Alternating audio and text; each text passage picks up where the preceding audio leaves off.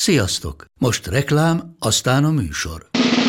A műsor, valamint az élményekkel teli utazások, személyre szabott ajánlatok és állandó kedvezmények támogatója a Molmove hűségprogram. Nyisd meg a Molmove appot a profilodba belépve, add meg az utazási promóciós kódot, és tankolj Molevo és Evo Plus üzemanyagjainkból 15 forint per liter kedvezménnyel. Ne feledd, az utazási promókóddal most még jobban megéri Molmove tagnak lenni. Vége a reklámnak, jön a műsor.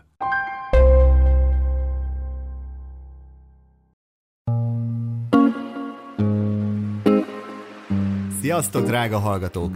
Ez itt az Utazási Podcast, amiben epizódról epizódra világlátott emberekkel beszélgetek hihetetlen kalandjaikról. You keep dreaming and dark scheming, yeah you do. Én Mátai András vagyok, utazó, utazóblogger, az Utazási Podcast készítője. You're a poison, and I know that it's untuned. Mai beszélgető társam egy igazi is doppos világutazó, akivel már volt szerencsém korábban interjút készíteni, így neve számomra már garancia arra, hogy nem mindennapi történeteket fogunk hallani. Vendégem Mayer Marci. I feel like I'm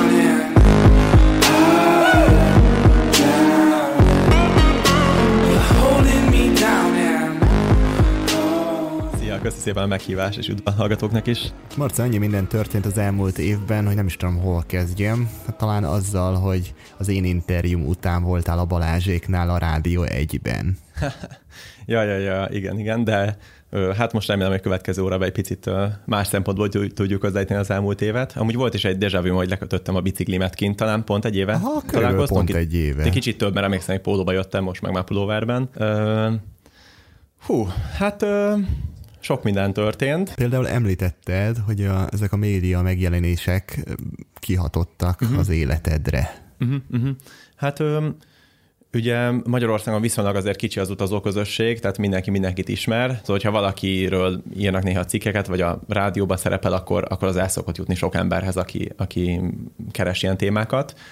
Ö, ugye egy éve voltam itt, és nem sokkal azután, hogy felvettük azt az egyébként tök jó, azóta is szeretném meghallgatni így egy ezelőtti gondolataimat, hogy mik voltak a fejemben. Szóval felvettük ezt a podcastet, utána volt még egy előadásom, és a, talán a 24.hu írt egy cikket arról, és az volt a nagy átütés a, a piacon, tehát utána nagyon elkezdtek keresni, ugye ezzel az Oroszországgal kapcsolatban, és akkor hát újra meg újra elmeséltem a sztoriimat, igyekeztem tartani magamat többé-kevésbé a saját emlékeimhez, bár nagy volt a kísértés, hogy kicsit felturbózzam őket, uh-huh.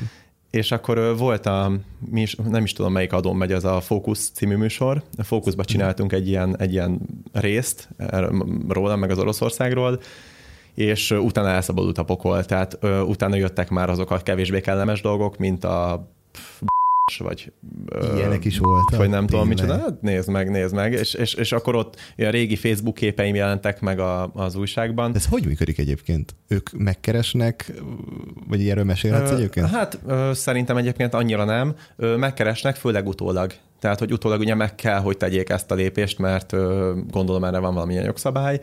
Minden esetre én, én kifejezetten szeretek szerepelni, ez nem titok, szeretek előadni, szeretek podcastet fölvenni, főleg veled, viszont, viszont hát mit tudom én, volt már ilyen, aki volt már ilyen helyzet, tudja, hogy vannak ez, ezek kellemetlen része, és amikor az ember már így úgy érzi, hogy most a, tapétázzák vele az utcát, ami nyilván nincs így, ez csak a saját ö, percepciója erről a, erről a helyzetről. Te is akkor nem is tudtad, hogy szerepelsz ilyen lapokban? Hát ö, volt, amiről tudtam, volt, amiről nem tudtam, de ami különösen zavart, az a privát Facebook képeim, ami persze nem privát, mert az egy publikus Facebook oldal, bárki ráklikelt és megnézheti a, a Facebook oldalmat, de hát most mit tudom én, a 6 vagy 7 évvel ezelőtti barátnőmről, mit tudom, milyen kép volt kint a van az most így mondjuk határeset, hogy az embernek kellemes vagy nem kellemes. Na mindegy, ez a, ez a dolog ment egész tavasszal, és nagyon érdekes, egy ilyen más pszichés állapotba kerül az ember ettől, úgy érzi, hogy folyton így pörög a dolog, rengeteget stoppoltam, nagyon sokat mentem, és akkor ö, részben ezáltal fogalmazódott meg nyára egy, egy nagy terv, ami így, így, így őrlődtem rajta, meg, meg ö, sokat gondolkoztam a tavasz folyamán, és hát ö, ez egy meghatározó élmény volt az évben de ne szaladjunk előre, csak mondom, hogy ez, ez, ez sokban, sokban meghatározza az embert. Hogyha folyton ezek a, a médiumok, meg, meg mindenki így pusolja, hogy fú, utazás, topolás, stb., akkor olyan dolgokra is ráveszi magát, ami egyébként nem biztos, hogy annyira fontos lenne neki. Uh-huh. Na erről a nagy tervről majd később mesélsz egy kicsit ezekről a mikrostoppolásokról, mert szerintem ez is tök érdekes. Uh-huh. Uh-huh.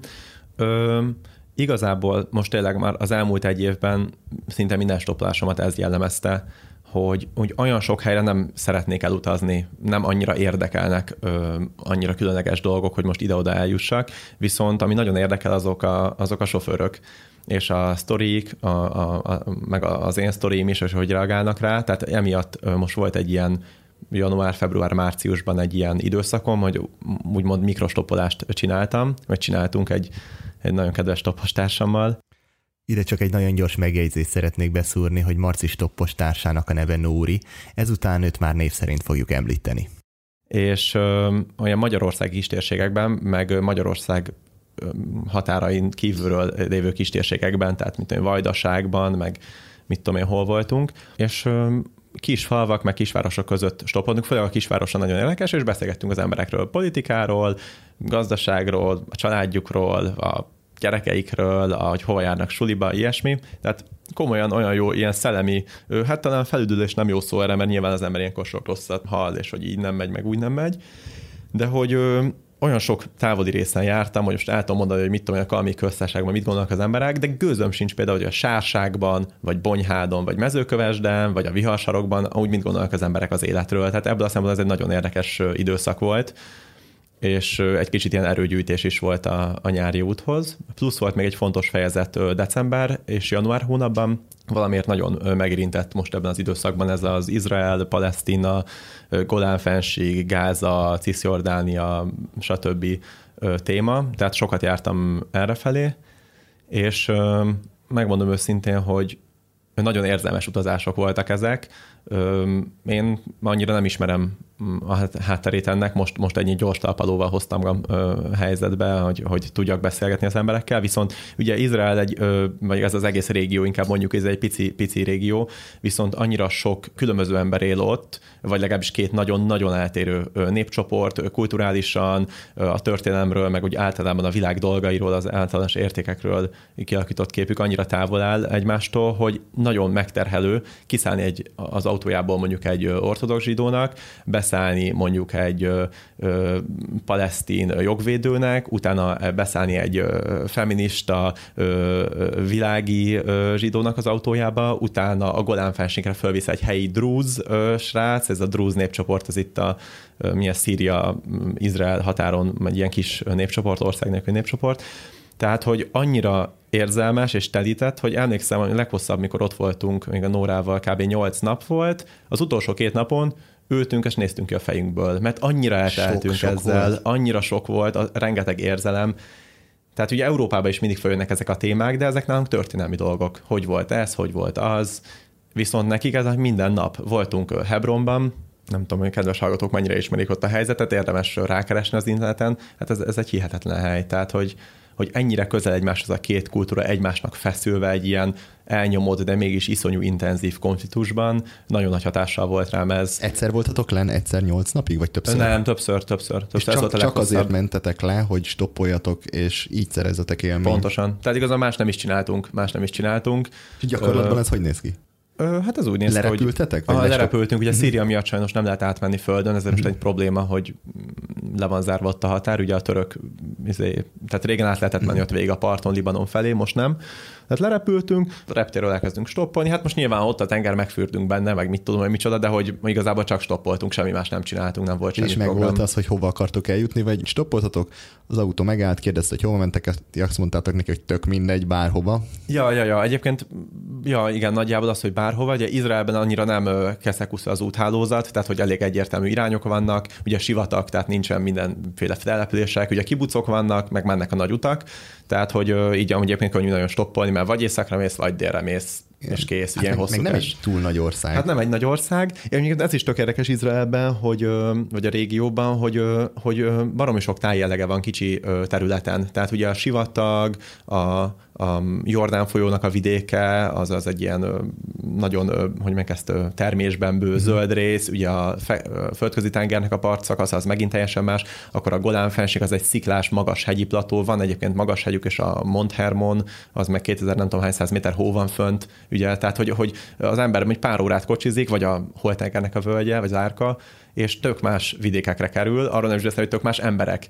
Tehát, tehát nagyon, tényleg nagyon-nagyon telített volt ez a, ez a pár alkalom, amikor ott voltunk. És Átmentetek Jordániába, vagy más országba, vagy csak maga izraeli Csak, csak maga. És de palesztin régióra? Igen, hát mindenhol voltunk, mindenhol voltunk. Mm-hmm. Egy, egyedül a Gázában nem voltunk.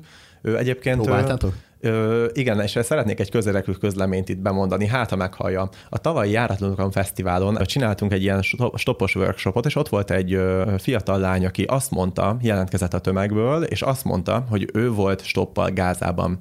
Hogyha hallod ezt az adást, kérlek szépen vedd fel velem a kapcsolatot, mert viszonylag dörzsölt játékosnak tartom magam a stoppolásban, nagyon sokat próbálkoztam, és nem sikerült bejutni, és én azt gondolom, hogy nem is lehetséges, és szeretném hallani a sztoridat, hogy neked hogy sikerült. Szóval, hogyha hallod ezt, akkor légy keres meg. Marci felhívását annyiban egészíteném ki, hogy ez a hetedik járatlan utakon fesztiválon történt 2018-ban a Fákja klubban. Tehát akkor meg ti megpróbáltatok bemenni csak megállítottak egy, a gondolom én katonai ellenőrző pontnál? Aha, hát nem, el se jutottunk addig. Tehát most a, a régi orosz kalandjaimhoz képest már kicsit lenyugodtam. Pont egy izraeli katona vett föl Haifa-ból délre, hogy mentünk egy Gáza felé, és akkor ő ott mesélt ezt, meg mesélt azt, és aztán eldöntöttük, hogy ahelyett, hogy próbálkoznánk Gázába, inkább lesátraztunk a parton, fürödtünk egyet, és el voltunk, tehát nem, nem, nem keménykedtünk. Meséltek egyébként a gázai jövezetről? Persze, nagyon-nagyon sokat. Mm. Igen, nagyon sokat. Minden, tehát harcászati szempontból főleg, meg egyébként is Ugye ez az érdekes, az ember kiszáll egy autóból, fél óráig azt hallgatta, hogy ott van a maga az ördög, beszáll egy másik autóba, és teljesen más kontextusban, teljesen más, mint hogyha két paralel világ, sőt, gyakorlatilag Persze, két paralel igen. világ ott él. És Jeruzsálemben is érződik ez a feszültség, csak ott talán azért nem annyira intenzív, mert a turisták miatt ö, ott a közös érdeke minden ö, népnek vagy kultúrának ugye a pénzcsinálás, tehát ott annyira nem jön a felszínre, de Hebron erre egy jó példa, ott, ott is gyakorlatilag bent a városban vannak a határvonalak, Ugye ott van Ábrahámnak, a, ami mind a két vallásnak egy nagyon fontos személyisége, vagy az egyik legfontosabb a, a sírja és, és emiatt ott, ott gyakorlatilag csak erről szól az egész város. Tehát eszméletlen Hebron, olyan feszültség van ott, olyan mind a ketten kifejezetten rosszul voltunk mm-hmm. utána, kifejezetten rosszul voltunk utána. Én mondjuk, én direkt nyitott szemmel, vagy nyitott füle jártam, e, e, hogy erre érzékeny legyek, én sem éreztem különösen, egy ilyen sírongálást láttam pont, de, de hogy most ez egy ilyen ez egy kiragadott dolog, tehát ez alapján nem kell semmit gondolni. Ö, ja, Hebronba érdemes, érdemes Merre van Hebron? Délre, tehát, Dél, hogy... A, a gázai övezethez közel? Mondjuk Mert ugye a gázai vezet az dél, nyugat. Dél-nyugat. Igen, igen, ez pedig pont Jeruzsálem délre, tehát Jeruzsálem alatt van Betlehem, uh-huh. és akkor onnan kell még délre menni. Betlehemben amúgy volt egy érdekes élményünk, ugye végig sátraztunk, meg kinaludtunk. A, ez, ebből a szemben is nagyon jó ez a régió, hogy nagyon biztonságos bárhol ki lehet aludni, jogilag is, jogilag meg biztonság is. Mhm. szempontjából is bárhol. Nem akartak behívni titeket sehova? Ö, volt rá példa, ö, de, de nem, nem fogadtuk el, tehát így jó, kifejezetten jó volt, meg mint tudom, napközben akartam meghívni, hogy nem az utolsó sofőr, tehát nem, de nagyon kedvesek voltak velünk a sofőrök. Ugye azért is, ezt talán a múltkor is mondtam, hogy azért is szeretek ilyen konfliktus régiókban utazni, mert mindenkinek nagyon sok mondani valója van, tehát nyilván mind, bárki vett föl, bármilyen volt a nézete, nagyon fontos volt neki, hogy ezt megossza velünk, és ezért, ha esetleg aki itt utazik, ajánlom, hogy tényleg egy gyors tappalót előtte vegyen legalább Wikipédia szinten, mert azért, hogy is mondjam, okosan kell beszélni, tehát hogy nem is, hogy bajba kerülhet az ember, de ahhoz, hogy egy kellemes, jó beszélgetést tudjunk fenntartani itt a sofőrjeinkkel, érdemes képben lenni, hogy, hogy ne bántsuk meg egymást, tisztelte legyünk egymás iránt, de teljesen elkalandoztam. Azt akartam, hogy Betlehemben voltunk este, pont Betlehemben, és nem volt szásunk, és ben voltunk ott a város közepén, annyira nem egy szép város, vagy nem tudom, tehát nem olyan, mint az ember lefekszik a busz megadóba aludni, és ez erkéről behívott minket egy srác teára, és ugye szó-szót követett, egy óra múlva már ugye, mint egy arab családnál ez szokott lenni, ő már ott volt 30 családtag, a mindenfele a városba jöttek át, és érdekes volt, mert Nórának ez volt az első ilyen nagyon közeli arab élménye, és leültették a teremnek a végébe, leghátúra a fal mellé, senki nem szólt hozzá, ott, ott ült, előtte ültek először a lányok, aztán a fiatal fiúk, idősebb fiúk, és a család fő, ugye a nagypapa legközelebb hozzám, mivel nem tudott angolul, ezért ö, valaki mindig segített Fordította. neki, fordítottak. Ö, és nagyon érdekes volt, és, és kb. egy fél óra beszélgetés után már láttam, hogy a, a kislányok, a családnak a kislányai már így, így nézegetik a Nórát, ilyen, ilyen rózsaszín budgyos gatya volt rajta, ami mit tudom én, így stoppos lányokon sokszor van, ugye náluk ez annyira nem ismert, és, és nagyon érdekes volt, hogy szép lassan ott közelebb ültek hozzá, stb., és elkezdtek beszélgetni. Nyilván a fiúk hozzá se szóltak egész végig, aztán végül is ott is aludtunk, de hogy, de hogy, hogy érdekes volt ezt test közelből látni, mert mindig beszélünk, amikor erről a kultúráról beszélünk, ugye, hogy nők, férfiak, stb. És hogy mégis ugye a, a lányok hogy tudtak ö, kötni hozzá, tehát hogy tudtak kapcsolódni hozzá, és a végén elindult ez a, ez a beszélgetés. Fun fact volt még egyébként, hogy ugye végül is mondták, hogy akkor a családfő ünnepélyesen engedélyezte egy ilyen beszéd keretében, hogy mi ott aludjunk a családi házban. Hoztak két matracot, letették a földre, kicsit széthúzták, és így egyértelműen mondták, hogy akkor ez a Norái, ez pedig a Marci, így széthúzva. Tényleg? Még nehogy véletlenül. Mm, És palesztin oldalra minden probléma nélkül át tudtatok menni. Minden probléma Nem nélkül. volt semmi probléma. Hát és ilyen checkpointok vannak. checkpointok voltak. Aha. És ott mit meséltek az emberek? Ami feltűnt, az, hogy alapvetően a, a palesztinok kevésbé explicite panaszkodtak, mint a zsidó népesség. Szerintem ennek mindössze annyi az oka, hogy egyszerűen nem akarják kifelé mutatni a konfliktust, a feszültséget. Ők nem akarják. Hát igen, igen. Ugye eleve az araboknál ez annyira nem fontos téma alapvetően ez a politikai dolgok. Ők szeretnek a családról beszélni, családról és pont. Mhm. Tehát, hogy mindig ez a téma, a család a család. És, és mi is, amikor beszélünk a kocsiba, teljesen másképp kezdtünk egy beszélgetést, hogyha nem feltétlenül Izraelbe bárhol itt, hogy ki, mit, mit dolgozik, honnan jön, munkából, stb. Ha egy, egy iszlám ország, vagy araboknál, ott mindig ez a kérdés. Házas-e, hány gyereke van, hol vannak, hány évesek mindig. Pont most jöttem ez a Marokkóból, és, és, és, és tényleg annyira érdekes volt, hogy tíz napig folyamatosan ez volt a téma, hogy úristen, mit tudom, miért nem a családommal vagyok ott, hol a feleségem, hol vannak a gyerekeim, folyamatosan ez volt a, fel, a téma, ami feljött. Tehát, hogy talán ennyit tudok mondani így ö, érzékeny témák érintése nélkül, hogy a, a, a palesztin oldalon, a, vagy a fal másik oldalán ö, kevesebbet panaszkodnak, vagy kevesebb kritikával ö, élnek emiatt. Uh-huh. emiatt. Ugye ez Gáza, az, ez nincs benne, tehát arról nem tudok nyilatkozni. Hát akkor a politikai témák azok tabuk voltak? Mm, Hát olyan sofőrnél, ahol, én, ahol bennülök elég sokáig a kocsiban, ott ugye az ember erre ráérez, hogy lehet-e, ugyanúgy, mint nálunk, vagy bárhol, valakivel lehet, valakivel nem. Valaki azt mondja, hogy leszarja, bár pont ebben a régióban kevés ilyen van, mivel azért nem lehet leszarni, mert beköszön a bejárati ajtón. Ö, de, de, hogy, de hogy lehet, lehet beszélni. Tehát főleg a katonákkal egész jól lehet erről beszélni. Az is érdekes volt ugye, hogy ezt a mondjuk Palesztinát, ugye, hogy, hogy nevezték nevén. Tehát amikor rákérdeztünk valahogy egy ö, palesztin városra, vagy ilyesmi, az, hogy hogy válaszoltak, hogy azt mondták, hogy West Bank, tehát hogy nyugati park, az, hogy Cisjordánia, vagy franciául, azt, hogy Palesztina, az, hogy occupied territories, tehát el- elfoglalt területek, Már ez, ez- már, ez már egy hogy jelzés. És tudom, hogy milyen irányba mehetünk tovább a beszélgetésben. Aha, az nagyon érdekes. Én azt gondolnám, hogy a palesztinokban van egy ilyen, hát nem is tudom, egy ilyen megsértettség, hogy ezt így el akarják mindenkinek mondani, hogy, hogy velük ott mi történt, és ezért pont, hogy ők lennének azok, akik panaszkodnak, de ez nekem így furcsa, hogy pont ők nem. Igen, nekem is az, nekem is az. Mm. Ő találkoztunk ilyennel, tehát, hogy például pont Hebronban az a vezető, aki körbevitt minket, vagy hát vezető, szóval egy, egy ilyen talán fizika professzorot, aki tudott eléggé angolul, hogy, hogy menjünk vele, ő, ő például kifejezetten sokat panaszkodott, sőt, gyakorlatilag csak panaszkodott, uh-huh. de általában szerintem nem azért, tehát nem azért nem panaszkodnak, mert nem lenne panaszkodni valójuk, hanem egyszerűen vendégek vagyunk, és nem akarnak ezzel terhelni minket. Tehát ez, más, ez egy más kulturális uh-huh. közeg, ö, hordják a kajcsit elénk, ugye a teát, ö, beszélgetni próbálnak a családjukról, meg a családunkról, tehát inkább, inkább emiatt, nem, nem, nem azért. Én nem éreztem annyira ezt a, nekem is ez volt a prekoncepcióm, hogy ők nagyon szeretnek panaszkodni, mert ugye az európai közbeszédben azért ők elég erőteljesen így jelennek meg, a palesztin népesség, vagy egy palesztin ilyen, nem mondjuk ezt, hogy nemzeti tudatú népesség, Aha, viszont ez, ez nem annyira volt. Főleg azok, azok ugye elég sok kamionos vett föl, a kamionosok jellemzően főleg ö, palesztinok, Izraelben is, tehát nem csak a, a Cisjordán területről beszélek, hanem egész Izraelről. Ők soha, sőt, ők azt fogják mondani, hogy minden rendben van, élünk, dolgozunk, megvan a pénz. Fiatal katonákkal kapcsolatba kerültetek esetleg, mert ugye ott kötelező a sorkatonaság. Pontosan. És ami nekem feltűnt, hogy bármerre jártunk Izraelbe, mindenhol katonákat láttunk hatalmas puskákkal a hátukon. Igen, hát ugye ez, hogy te mondod pontosan, az ember bármerre, bármerre megy, mindig ott vannak, nagy puskák, ami európaiként ugye így szokatlan látvány.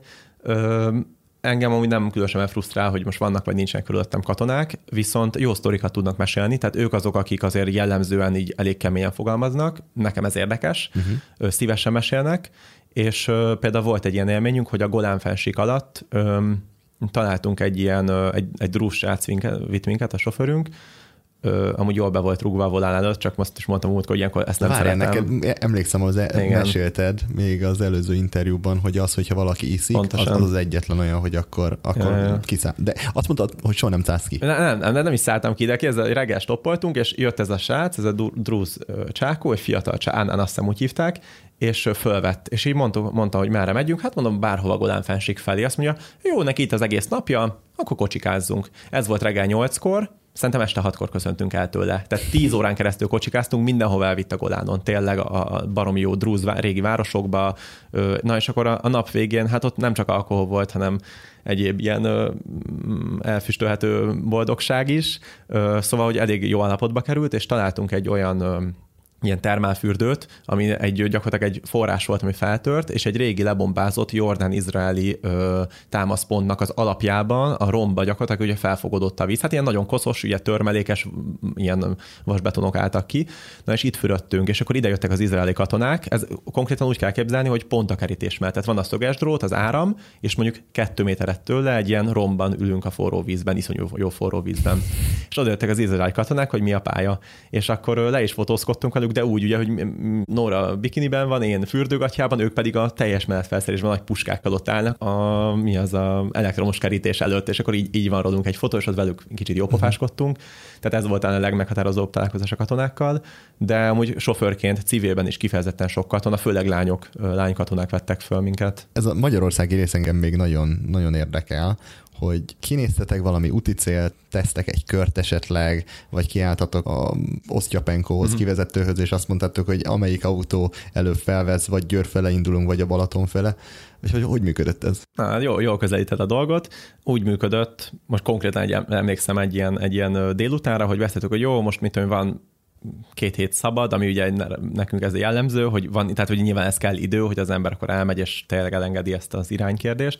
Menjünk el Debrecenbe, és akkor találkoztunk az oktogonon, és rájöttünk, hogy Debrecen felé esik az eső, szóval inkább menjünk el Győrbe, de amikor arra felé mentünk, akkor végül is rájöttünk, hogy inkább csak a Velencei tóhoz menjünk, mert, mert, mert akkor holnap jó idő lesz, és lehet fürödni. Tehát, hogy ez, ez egy fél órát lejátszódott, tehát így az irány szempontjából mi elég lazák vagyunk. Ugyanúgy sátorra. Hát nem sátor, nem szeretek sátorozni, ilyen hálózsákkal. Hálózsák. Ja, hogyha nem esik az eső, akkor igazából az jobb, mert sátorral mindig ilyen állott levegő van, meg mhm. fel kell állítani, el kell pakolni. Ez egy mini táska igazán, mert ruha úgyse kell, meg Magyarországon vagyunk, bárhol még hozzá lehet jönni.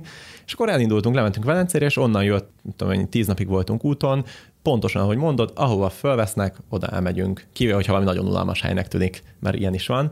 De hogy ott elmentünk Sárságba, utána a Duna mentén, a Dunaföldvár, le Szexárd, át Bonyhát, Szálka, Szálkaitó, mindenkinek ajánlom, eszméletlen jó hely fönt a Szexárdi domságban, utána át Bonyhád, Mecsek, ö, utána valahogy visszajöttünk a Szelidító, Szelidítónak hívják ezt a Morotva utána a Kiskunsági Nemzeti Park, mozgóhomokbuckák, föld, egy nagyon érdekes rész Ecskemét fölött, Nagykáta, Kiskörös, nem lehet, hogy hülyeséget mondok, és utána pedig vissza a tápióságon, és föl a mhm. Mátrába, Verpelét, tehát hogy össze-vissza, és higgyétek el, hogy annyira érdekes dolgok vannak ebben az országban, bár őszintén megmondom, lehet, hogy ez akkor érdekes, ha az ember mondjuk járt viszonylag sok helyen, és akkor mondjuk megtelik azzal, hogy Szibéria, meg mit ilyen holtenger, de egy baromi érdekes, eszméletlen jó helyek. Én nagyon ritkán járok Magyarországon, főleg vidéken. Tehát soha. Kirándulni elmegyek a Mátrába, meg ilyesmi, de amúgy soha, soha, mm. soha és nagyon extra volt, például fölvette egy rendőr is, pontosan egy nyomozó is, és elvitt ott a helyi cigánysorra, nagyon érdekeseket mesélt, hogy hogy működik a cigánysornak a dinamikája, hogy működnek ők velük együtt, milyen valós problémák merülnek föl, és ami érdekesség még a sofőrre kapcsolatban, miért más Magyarországon, mint más külföldön stoppolni, hogy külföldön, mivel nem közös valóságból származunk, vagy mérsékelten közös valóságból, ezért ugye van egy csomó kötelező kar, amit le kell futni. Milyen az élet, mit tudom én, Lengyelországban, és akkor meg kell beszélni. Magyarországon képbe vagyunk. Igen. Képbe vagyunk a közértelen napi valóságokkal valószínűleg ugyanazt a újságot olvastuk el aznap reggel, ezért rögtön nagyon személyes dolgokról lehet beszélni. És, és ugye miatt egy rövid fuvar is nagyon ö, Intenzív ö, tud intenzív lenni. tud lenni, így van, így van. És magyarok vettek fel általában, vagy volt olyan, aki külföldi, mondjuk ugyanígy ö, kamionsofőr? Ö, sokszor vesznek föl külföldiek, kamion is, de, de személyautó is. Sok Mhm. átutazó van, ugye, aki főleg vendégmunkások. Ugye Mhm. nyáron mennek haza, mint Albániába, Szerbiába, stb., és akkor ők is sokszor felvesznek. Megtapasztaltatok bármi olyan különbséget, ami a magyarokra nagyon jellemző, hogy miben vagyunk mi mások, hogyha mondjuk felveszünk? Nem ami- tudnék ilyet mondani. Az, azokon az általános sztereotípiákon, hogy mit tudom én, sokat panaszkodunk, meg ilyesmi, nem, nem tudnék ilyet mondani. Öm, ja, ez, ez egyébként egy nagyon érdekes téma, sokat foglalkoztatott ebben az egész elmúlt évben, hogy mennyire különbözőek, vagy egyformák az emberek a világ különböző részein. Most jelenik meg a, hát magunk között csak így hívjuk, így hívjuk a magyar stoppos pápának majd egy stoppos könyv egy pár hét múlva Magyarországon, vagy magyar, ma- és, és neki van egy ilyen classification, hogy a sofőr típusokat így beosztályozza, ami nyilván egy vicc, tehát hogy ez egy vicc kategória, de hogy, de hogy mint tudom, átküldött be egy kicsi részt, és tényleg annyira nevettem magam, hogy bár én ezt nem fogalmaztam meg így, de hogy valóban kulturális háttértől függetlenül nagyon tipikusan megvannak ezek a sofőrök, a mindig minden rossz, és akkor adott neki ilyen frappáns neveket. Most nem akarok más néven nyilatkozni, de ez sok stopposnál így benn van a fejben, hogy beülünk, és öt perc alatt tudjuk, hogy ő most ez a típus. Ő a bizniszben, aki sielt, és sikeres, és izé. És Ö, elmondja, hogy ő neki mennyi, mennyire nagy menő cége Igen. van, és milyen sikeres. Igen, és az utolsó egy percben jut eszembe, hogy a nevemet megkérdezze, vagy ilyesmi. Vagy Úgy abszolút nem zavar, szívesen hallgatom a sztoriát, de hogy igen, vannak ezek a... Tehát ezek, ezek szerintem úgy jellemzőek mindenhol, vagy majdnem mindenhol. És a vendégszeretet az, hogy bárki meghívjon ebédelni magához, megkérdezi, hogy hol fogsz aludni, mit fogtok csinálni. Uh-huh. Na ez viszont egy különbség, de ez is inkább praktikus szempontból, hogy ugye Magyarországon, mivel magyarok vagyunk, ezért az emberek talán kevésbé érzik azt, hogy rászorulunk a segítségükre. Tehát mit tudom én most Kazaksztánban este 80 és stoppolok a külsivatagban, ott nyilván valaki megáll, megkérdezi, hogy nem akarok-e nála aludni. Itt hiába hajnal kettőkor stoppolok a, az M3-ason a benzinkúton, senki nem fog hazahívni aludni, mert, mert itthon vagyunk. Tehát, hogy ez inkább szerintem emiatt nem, nem arra utal lesz, hogy mennyire vendégszeretőek vagy. Nem, amúgy volt, ö, többször is aludtunk háznál, igen, többször is aludtunk, tehát többször is behívtak. Uh-huh. Olyan volt véletlenül találkozni, hogy valakivel volt közös ismerősötök? Igen, képzeld el, ez nagyon durva volt. Képzeld el, hogy fölvette egy, hát ez, ez ami hihetetlen volt, fölvette egy a Dunahídon, Dunahídon, az új, az új Dunahídon ráadásul ott Szexárnál fölvette egy csákó, elkezdtünk dumálni, és a, a Nóra nagyon szeret ö, kovászt csinálni otthon, vagy hogy ezek kísérletezik meg, stb. Ilyen kovászos téma jött föl, és szó-szót követett, és kiderült, hogy a csákónak a nem tudom hány száz éves kovász, ami van neki egy ilyen nagyon speciális kovász, most lehet hülyeséget mondom, de nagyon régi és extra, az valakitől jön, akinek a kislányát én 12 éve gyerektáboroztattam a Mátrában. Tehát, hogy ez, amíg összekapcsoltuk ezt a dolgot, és aztán kiderült, hogy van egy csomó közös ismerősünk, stb. stb., de hogy volt, volt, volt. Talán egyébként más is volt, de ez volt a legmeghatározó. És olyan valaki, aki esetleg hallott rólad. Ja, ja, ja, igen, igen. Ezt nem szoktam erőltetni, mert akkor rögtön hogy betesznek Aha, egy skatujába sok hülyeség alapján, de ja, ja, van, van, van, aki. Aha.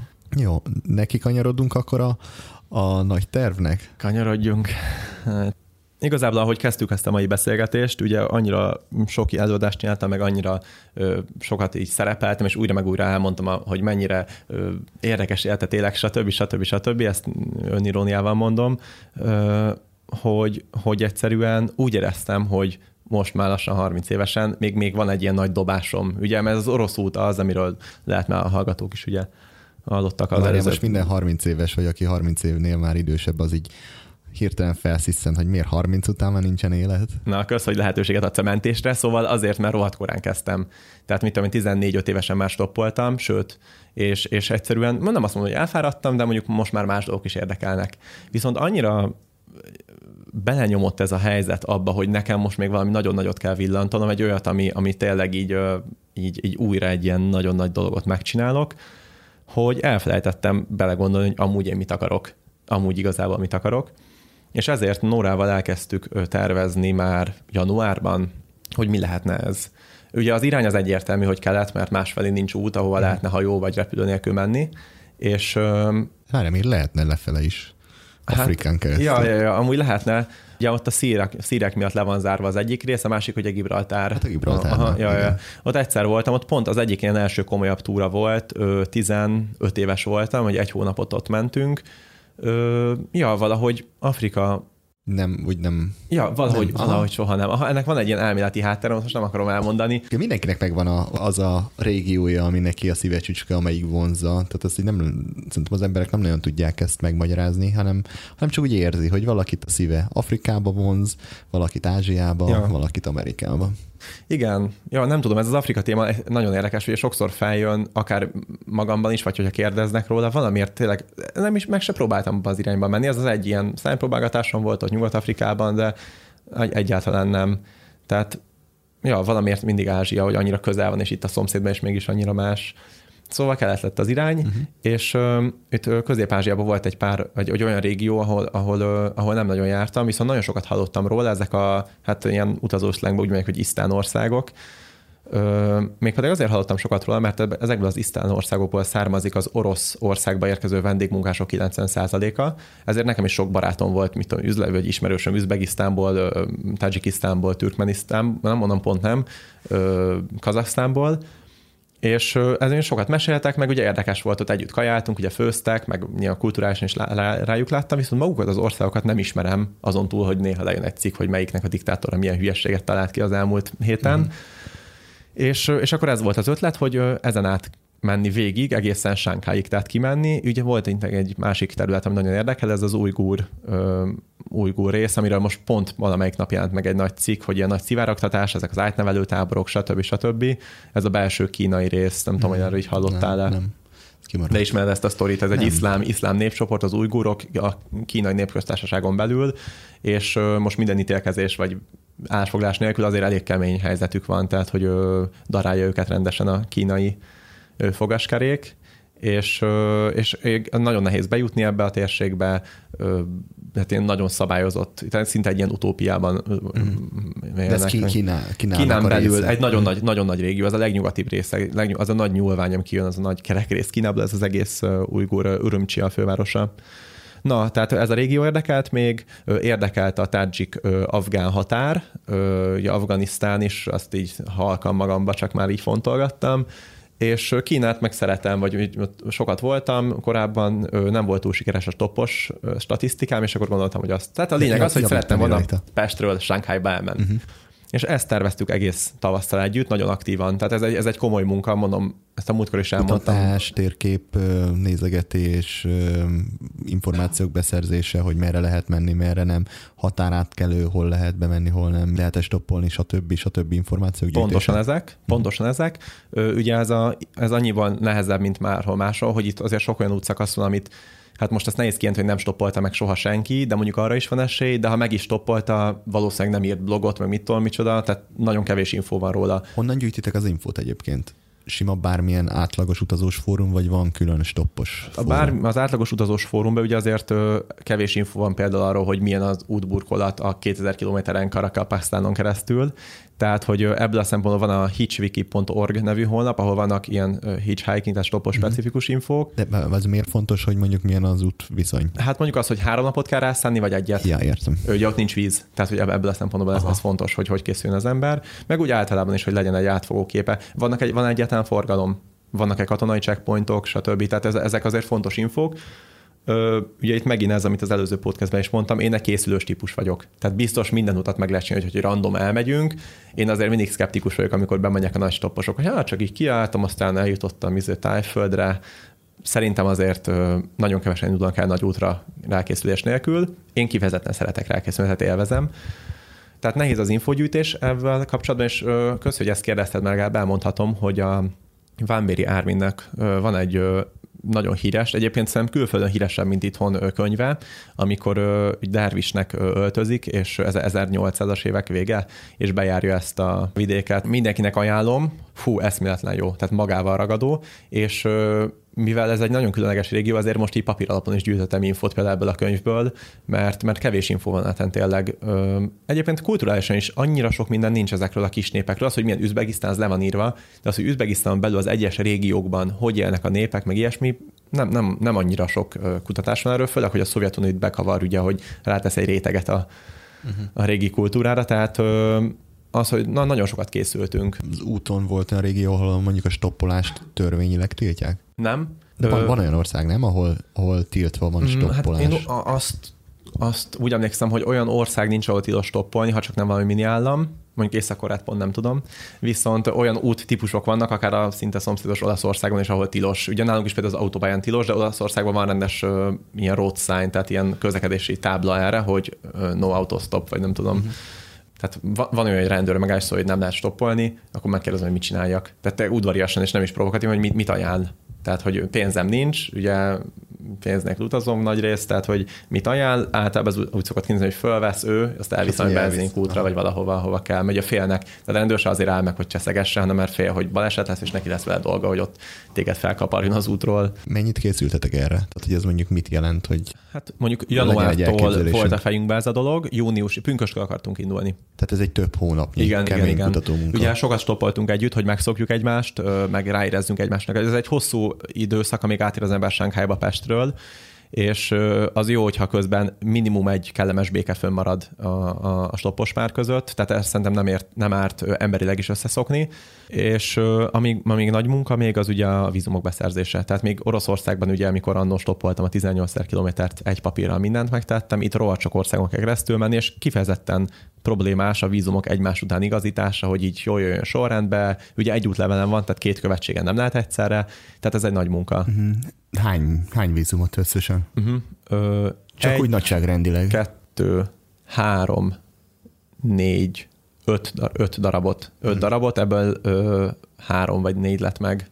És ott azzal nem volt probléma, hogy ők kérnek anyagi fedezletet, hotelfoglalás, kiutazási repülőjegy, vonatjegy, bármi hasonló? Hát ebben van azért tapasztalatom, hogy hogy lehet ezeket kijátszani. Aha ökölszabály szerint európai követségen nem kérünk vízumot, mert ott betartják a szabályokat, tehát le kell szépen menni Isztambulba, Bakuba, Teheránba, és ott beadni a kérelmet, vízum kérelmet. Ezért elmentél csak a vízum. Hát nem ezért elmentem, hanem útbását. Ja, úgy, Úgyis útbását. Igen, de amúgy a legtöbb ilyen követséggel lehet e-mailezni, tehát teljesen szinte ilyen baráti hangsúlyval írsz egy, hogy dér, nem tudom, mi ambassador, vagy nem tudom, és, és amikor bemész, leülsz egy teára, dumálgattok egy kicsit, azt a végén kapsz egy pecsétet, vagy olyan papírt beragasz az útleveledbe. Rakja a zsebre, rakja a pénzt, aztán Igen, pontosan, pontosan így néz ki. Tehát, hogy ez, ez, ez, ez egy ilyen, izé, Bécsben szoktam még próbálkozni, tehát Pestin neve nem szoktam, Bécsben szoktam még ilyennel de hát megoldható, csak az nem árt, az, tehát hogy adni kell rá időt, nyugiban kell lenni, nem kell ezen stresszen, és semmiféleképpen nem szabad kiszámolni az időt, mert az biztos bukó. Uh-huh. És akkor ugye ez a készülés volt, egy nagy-nagy készülés, a szobámba ki volt éve a falra az egész térkép, ugye ilyenkor kézzel rajzolok egy nagy térképet az egész útról, memorizálom az összes nagy települést, a kilométereket, a jellegzetességeit az útnak,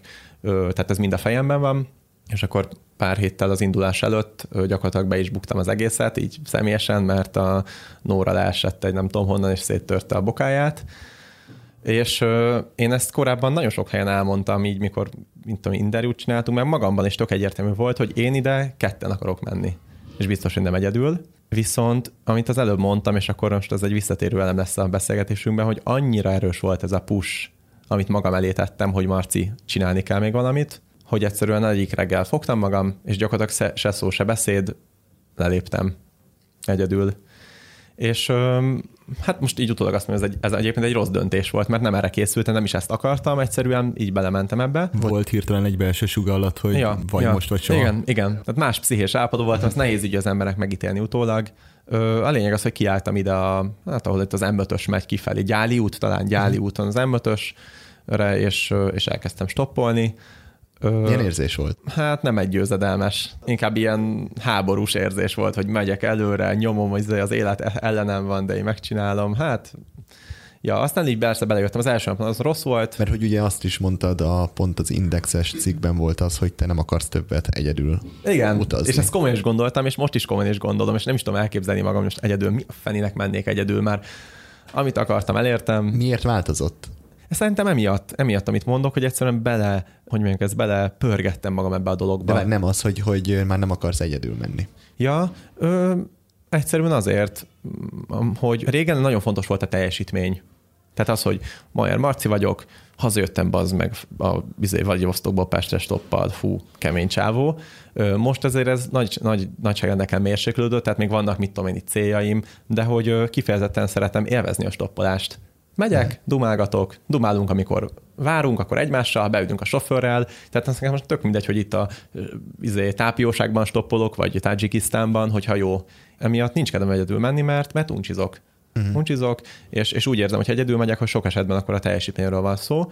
Ugye ez az örömstoppolás, tehát ha közlekedek, akkor ma, ma is stoppolok egyedül, ha valahol akarok menni, és a stopp a legpraktikusabb, akkor stoppolok, nem fogok buszra szállni, de, de hogy mint ö, szabadidős program, mindig keresek, folyamatosan keresek stoppostársakat. Tehát jelen pillanatban is, ez itt a reklám helye, de mindig-mindig keresek stoppostársakat. Volt, aki már jelentkezett? Persze, persze. Sőt, egy pár éve be is égtem egy nagyot, hogy kiírtam a Facebook oldalamra, hogy keresek stoppostársat, és volt pofám oda tenni, hogy lányt, aminek őszintén annyi oka van, hogy egy lánya sokkal érdekesebb stoppolni, mert más dolgokat lát, más dolgokat figyel meg, másképp kapcsolódik a sofőrökhöz. Nincs benne semmi nem is tudom, tehát hogy nem kell ebbe semmit beleérteni, hanem... Ja, ja, ja és, és hú, az nagyon csúnya volt. Tehát utána azért kaptam az ívet, hogy, hogy ez ilyen, a, hát a kommentelőktől, nem tudom, csoda, szóval ezt rövid úton le is vettem, de ennyi idő alatt, amíg ez kim volt, ugye leírtam szépen, hogy mit tudom én, stoppolok én, mint, mint pár éve, van tapasztalatom. Bocsánat, csak már a stoppolási esélyetek is sokkal jobb egy ja, igen, lány igen, és igen, egy fiú igen. együtt. Igen,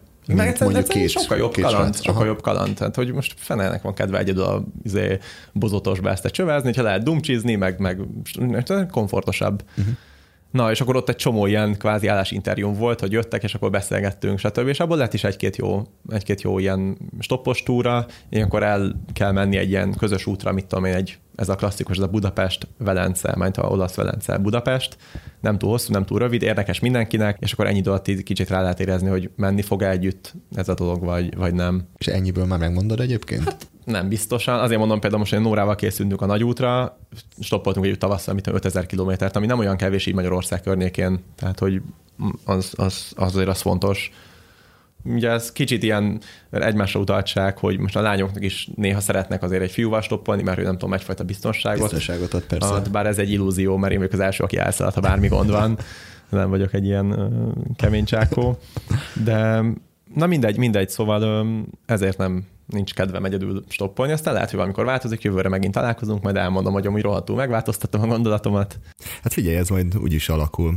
Na és akkor te pedig elindultál egyedül. Igen, egy picit az is bennem volt, hogy hát, ha még a Nóra felépül, mit tudom, és utána jön, tehát ezért ez egy fontos ilyen plusz ilyen érzelmi löketet ad, de a lényeg az, hogy elmentem, pont úgy is ment az elején, ahogy elindultam, tehát nagyon szarul, iszonyatosan rossz volt az első egy-két nap, és stoplás szempontjából. Tehát gondolom ez olyan, mint a vonzás törvénye, hogy ahogy te viselkedsz, az kiül rád, és nem azokat a hullámokat közvetítetted, és ezt érezték az autósok Igen. is, nem? Ebben én is abszolút hiszek egyébként, sőt, annyira például, hogy Nora az néha mondja is, hogy ha éppen nem, nem olyan tökéletes köztünk a hangulat, vagy úgy általában mondja, hogy figyelj, inkább üljünk le, kajcsizzunk egyet, aztán kés, egy óra múlva stoppoljunk tovább, mert, mert egyszerűen semmi értem ott kínálni feszült, hogy azok vegyetek már fel, meg minden.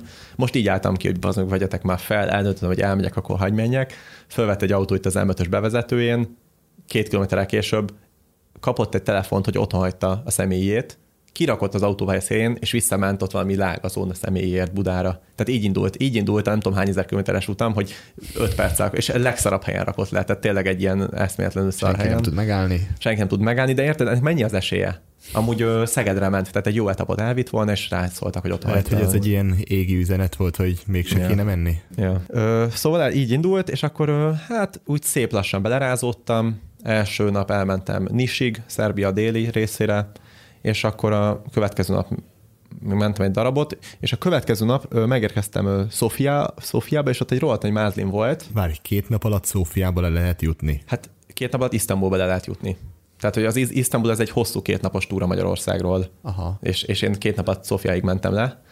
Tehát, hogy ez, ez nem, egy, nem egy nagy remény. Nem egy nagy, ez egy, aha, mi, mi, egy átlag mondjuk itt Európában mennyit lehet menni egy nap egy alatt? Nap alatt? Aha kilométerben. Hát, ha az emberek szerencsében kiáll a Sasadira, és fölveszi mondjuk egy műheni fuvar, akkor az, akkor az úgy egy, egy nap elmegy vele, de el lehet menni Stuttgartba is, például múltkor pont felvett egy kis furgonak, és Stuttgartba ment direktbe. Nem mentem addig, mert Prágába mentem, de hogy mit tudom én, 700-800 kilométer, szerintem úgy, hogyha valaki nyilván nyomatja, tehát siet, kiáll reggel ötkor, most pár hete ki kellett mennem Svájcba, kiálltunk, mit tudom én, reggel hétkor, és este Svájcba voltunk, tehát az, az, az mondjuk hosszú, meg kicsit ilyen furcsa út, hogy ott nem egyértelmű a, a német uh-huh. határnától, azért lehet menni. Ö, máshol, mondjuk Oroszországban azért könnyebb, mert ott csak egy út van. Ugye Európában mindig ez a gond, hogy hiába mennek messze az autósok, nem biztos, hogy arra mennek, amerre mert össze-vissza kanyarognak az utak. Vagy a nagy országokban, vagy akár az USA-ban ott van egy út, az mint a 1000 km 800-at megy egyenesen, ott, ott egyértelmű. Na, és képzeld el, hogy itt Szofiában volt az első ilyen érdekes uh, szitu, hogy nem tudom, emlékszel, még előbb meséltem, egy éve, hogy kifejezetten sokszor állnak meg ilyen mafiózók, kriminál emberek, igen, hogy, igen, hogy igen. na, visszaköszönt. Ezt szerintem nem emlékszem, de esküszöm, hogy lehet, eszembe is jutottam, sokat kérdeztél erre a témában, meg röhögtél rajta, hogy megáll egy magyar rendszámú, ütött, kopott, szétvert kocsi Szofiában egy benzinkúton. És kifordítja a fejétbe egy ilyen török kinézetű csákó, és mondja, hogy merre megyek, és megint egy visszatérő, vagy régi... Ö, nem, angolul, angolul. Uh-huh. Ö, megint egy visszatérő régi emlék, így mondom neki teljesen poénból, hogy Bakuba, ugye, az, ez a Kaspi-tenger partjára, ami azért onnan még egy, mennyi, 3000 kilométer, sőt több. Ö, és és, és visszanéz, és azt mondja, hogy de jó, mert ő is arra megy. És ugye volt már egy ilyen helyzetem, nem tudom, hogy elnékeztek, hogy meséltem, hogy még egyszer Szibériába így vettek, hogy Moszkvába mész, igen, én is arra megyek, és még 7000 km volt, ugyanez a szitu visszajött, és ő hát azt mondta, hogy ő is oda megy, de nem akar elvinni, mert hogy, mert hogy sok határon átmegy, addig meg mit tudom, micsoda, amúgy kettőn összesen, és hogy fél, hogy drog van nálam. És így mondom, hogy ember, ne szívas meg. Tehát, hogy én most vagy egy hétig szopok még, hogy lejussak Bakuba, vagy beülök a kocsitba, és lemegyünk Bakuba együtt, de hogy Léci, vigyél már le. És akkor kipakoltatta a táskámat, hogy mit tudom, micsoda, hogy írjunk alá papírt, mondom neki, hogy bármi, csak vigyél már el, ha már megálltál, érted? Mert megállt, megkérdezte, oda megy, és mondja, hogy nem viszel, mert hogy fél, hogy drog van nálam. És a lényeg, a lényeg, hogy végén meggyőztem. Nagy nehezen meggyőztem, hogy vigyen el Isztambulig. Azonnal egy ezer, á, de hogy, még annyi sincs. Á, nem is tudom mennyi, de hogy nincs annyira messze már Isztambul, de azért az egy jó etap, mert Isztambulban ott alszok, és akkor következő már belső Törökországot tudom kezdeni másnap. És beültünk, elkezdtünk dumálni, kiderült, hogy a csávó egy azeri csávó, azeri maffia, tud magyarul is, angolul is, törökül is, oroszul is. Amúgy orosz állampolgár azért, hogyha lekapcsolják Európába, akkor ugye könnyebben tudjon menekülni, és az a fő tevékenysége, hogy autókat lopnak főleg Belgiumban és Németországban, azokat egy picit összeverik, és kvázi ö, szerelni viszik el Kelet-Európába, csak hát ott nem állnak meg, hanem szépen mennek, és leviszik őket egészen a Kaspi-tengerig át Kazasztánba, ott megjavítják és eladják őket ö, ilyen szinte új autóként. Ez az ő biznisze. Van hat ember, és ez, ez a foglalkozásuk, hogy oda repül, fölvesz egy ilyen kocsit, elmegy, és van egy ilyen van egy lopóbandája, az meg Belgiumban, ők megszerzik a kocsikat.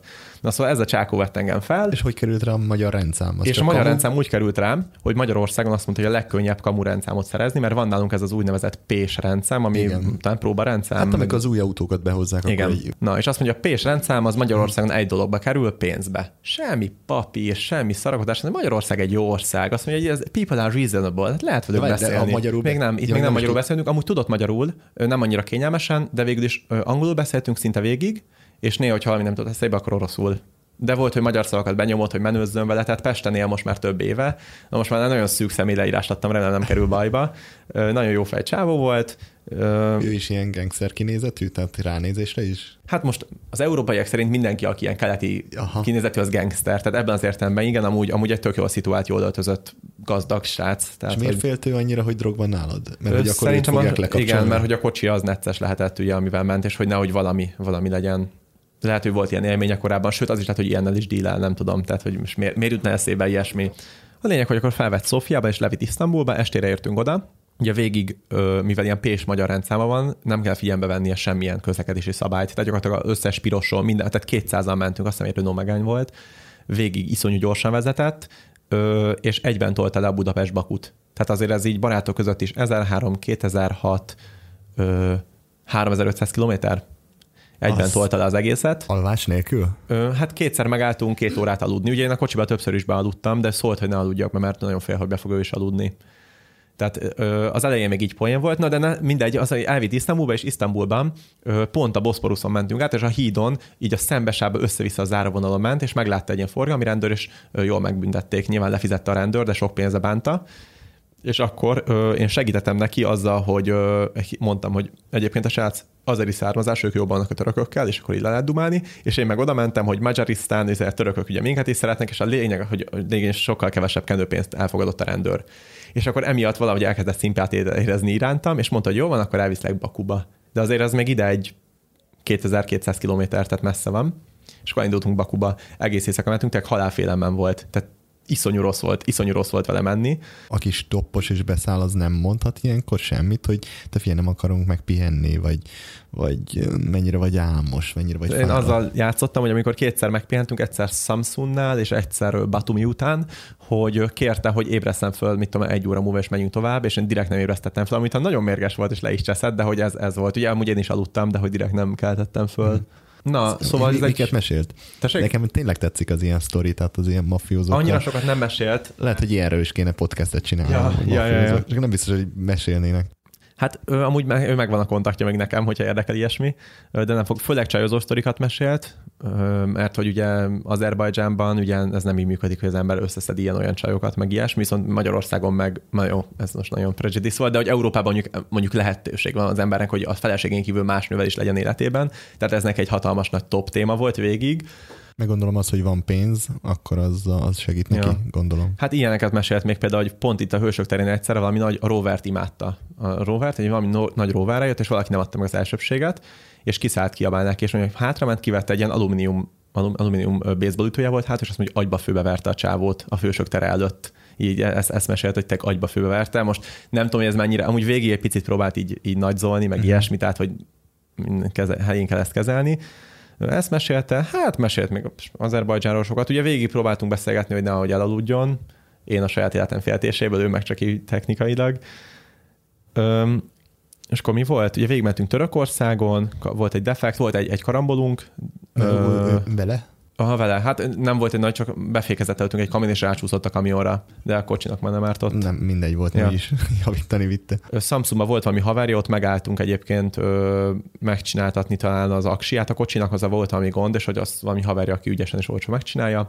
Akkor átmentünk Grúziába, Grúziában ott volt egy nagyon durva balesetünk, aminek mi csak tehát részei voltunk, de nem koccantunk. Mögöttünk egy kamion felborult, egy nyerges vontató izé nélkül, teher nélkül felborult az árokba. Akkor amúgy kifejezetten sok baleset volt egész nyáron, tehát hogy soha nem volt még ilyen sűrűséggel, hogy balesetben volt részem stoppolásnál. És utána átléptünk Azerbajdzsánba, az egy nagyot segített nekem a határon, mert ott valami probléma volt a vízumommal. És akkor igazából négy nap alatt nem voltam Azerbajdzsánban Pestről. Tehát, hogy szerintem egy viszonylag jó idő. És hát innen, igazából innen indult az utazás, tehát ez csak egy ilyen rávezető volt, innen indult maga, maga az utazás. Az négy nap, az nem semmi. De hát szerencséd volt ezzel Ja, a sráccal, persze, hogy persze. egyébként akár egy hétig is tarthatott volna, ugye? Én kb. azt számoltam, hogy egy hét lesz. Amúgy nem is siettem volna, tehát hogy nem, mm. ugye nem volt ilyen idő, izé, de örültem neki, hogy, hogy ez, így, ez így meg volt. Mennyi időre számoltad az előzetes tervek alapján? Az egész idő- trippet? Igen, hogy mennyi időre térsz oda? Hát én úgy voltam vele, hogy nem is jövök vissza, nem Kínába munkát vállalok, és ott maradok. Ja. Tehát, hogy ennyire, ennyire nyitott voltam. A vízum dolgokat ne is kérdezzem. Igen, igen, igen, igen. A kínai vízumom úgy pont volt, de hát annyi, annyira a elegendő, turista. hogy igen. De volt, volt, tehát, hogy volt ilyen munka kilátásban, tehát, hogy nem csak Aha. így a semmiből belementem. Na és mennyi volt a terv? Hogy mennyi idő alatt érsz, értek ki? Vagy, vagy Hát az volt a terv, hogy legkésőbb szeptember 1-én Pesten vagyunk. Azt jelenti, hogy június, július, augusztus pont három hónap. Három hónap. Igen. És az előbb csak így említetted így félszóval, hogy szüleid nem is tudták, hogy merre jársz. Hát Ez így vicc, vagy igaz? igazából őket kell megkérdezni, most nem emlékszem, hogy össze-vissza mit kamusztam nekik előtte. De nem szoktad hogy elmondani? Ne, nem szoktam De elmondani. azért féltés miatt, Aha, hogy ne persze, ne aggódjanak. De nyilván igen. tudják, nem? Tehát most, amikor egyszer Marci elment Oroszországba, és onnan visszastoppolt, és nyilván nem tudom, hogy hallgatták-e a műsort, hallják a riportokat, és ott elmesélt, Hogy hogy, utólag tudják? Igen, de hogy amikor eltűnsz és hirtelen... Nem, akkor nem. akkor hát, de gondolják, hogy valami újra, valami hasonló. De szólok, citu hogy elutazok, hogy stoppolok, hogy Ázsiában hagyják, csak most nem közlök nekik ilyen hülye részleteket, hogy mit tudom én, izé, tádzsik-afgán határa akarok menni, meg tök, tök felesleges. Úgy tudnak mit csinálni ezzel az infóval, azt tudják, mit gondoljanak. Például érdekesség, hogy a orosz utamról anyám akkor tudott meg így részleteket egyáltalán, amikor két évvel a hazaérkezésem után az el, először előadtam egy Járatlanutokon Fesztiválon, és oda meghívtam. És ott És beült. akkor ott lesokkolod. Ja, hát, ja, ja, valamennyire igen. Igen, igen, az, az, az volt. Csak azért gondoltam, mert hogyha nem tud róla semmit, az talán jobb, mint hogyha tudja, hogy na most kell izgulni, és most egyébként nem kell Igen. izgulni, mert most olyan részen jár, ahol biztonságos. Ja. Hát meg úgy is tudják, hogy megbízhatnak bennem, tehát hogy nem, nem, most ez nehéz összehasonlítani, összehasonlítani statisztikailag, hogy a régi hármas metró veszélyesebb, vagy Tajikisztánban stoppolni.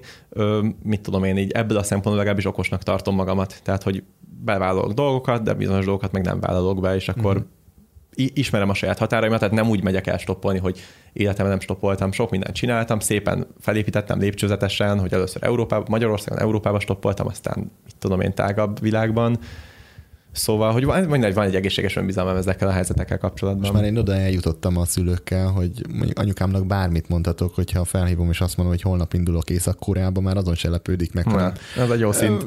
Oké, és akkor összepakoltál mindent? Kérdez hmm. lenne a kérdés. Ja, ja, ja. Ez tesómmal azért edzettük rendesen. Ja, gondolom, gondolom. De amúgy szerintem ez így summa summarum mindenkinek kényelmesebb. Uh-huh. Néha szoktam küldeni haza képet, ha éppen olyanon van, hogy mint tudom, hiányoznak, vagy ilyesmi. Ja, tehát ez most már részén nem téma. Ilyen tizenéves korom végén ott azért még ugye volt ebből, de ott is nagyon liberálisak voltak a szüleim mindig is. Felfogták ezt, hogy izé nagyobb kárt tesznek az, hogy erőszakot otthon tartanak, mint mm-hmm. hogyha elengednek. És akkor a kaland innen indult az ja, ja, ja, ja, igen. Hát most ja, magát az utat nem is tudom részletesen elmesélni, mert az egy fényképes vetítésnek a témája, úgy ugye élvezhetőbb. Ugye Azerbajdzsán egyébként csak egy pár szót magáról az országról, ugye egy elég kemény hát, diktatúra, egy család kisajátította magának a, a hatalmat, család és haverjaik, meg család családja. Ugye írdatlan mennyiségű pénze van az országnak, olajból, gázból, főleg olajból a Kaspi-tengeren, és baromi nehezen élnek a népek ott, tehát hogy eszméletlen szegénység van a vidéken, viszont a főváros az tip-top. Mindig felidegesítenek, amikor a Facebookon látom az ismerősémet, hogy elmentek Bakuba, és posztolnak, hogy Azerbajdzsán, love forever, meg mit tudom én, mekkora...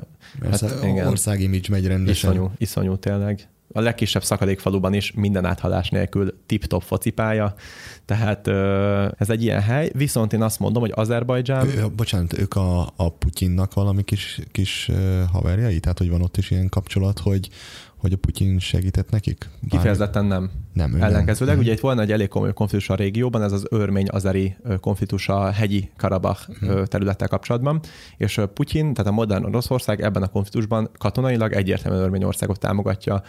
Ezek nem csak elméleti dolgok, hanem konkrétan az orosz katonák ott vannak, az orosz tankok, az orosz utánpótlás.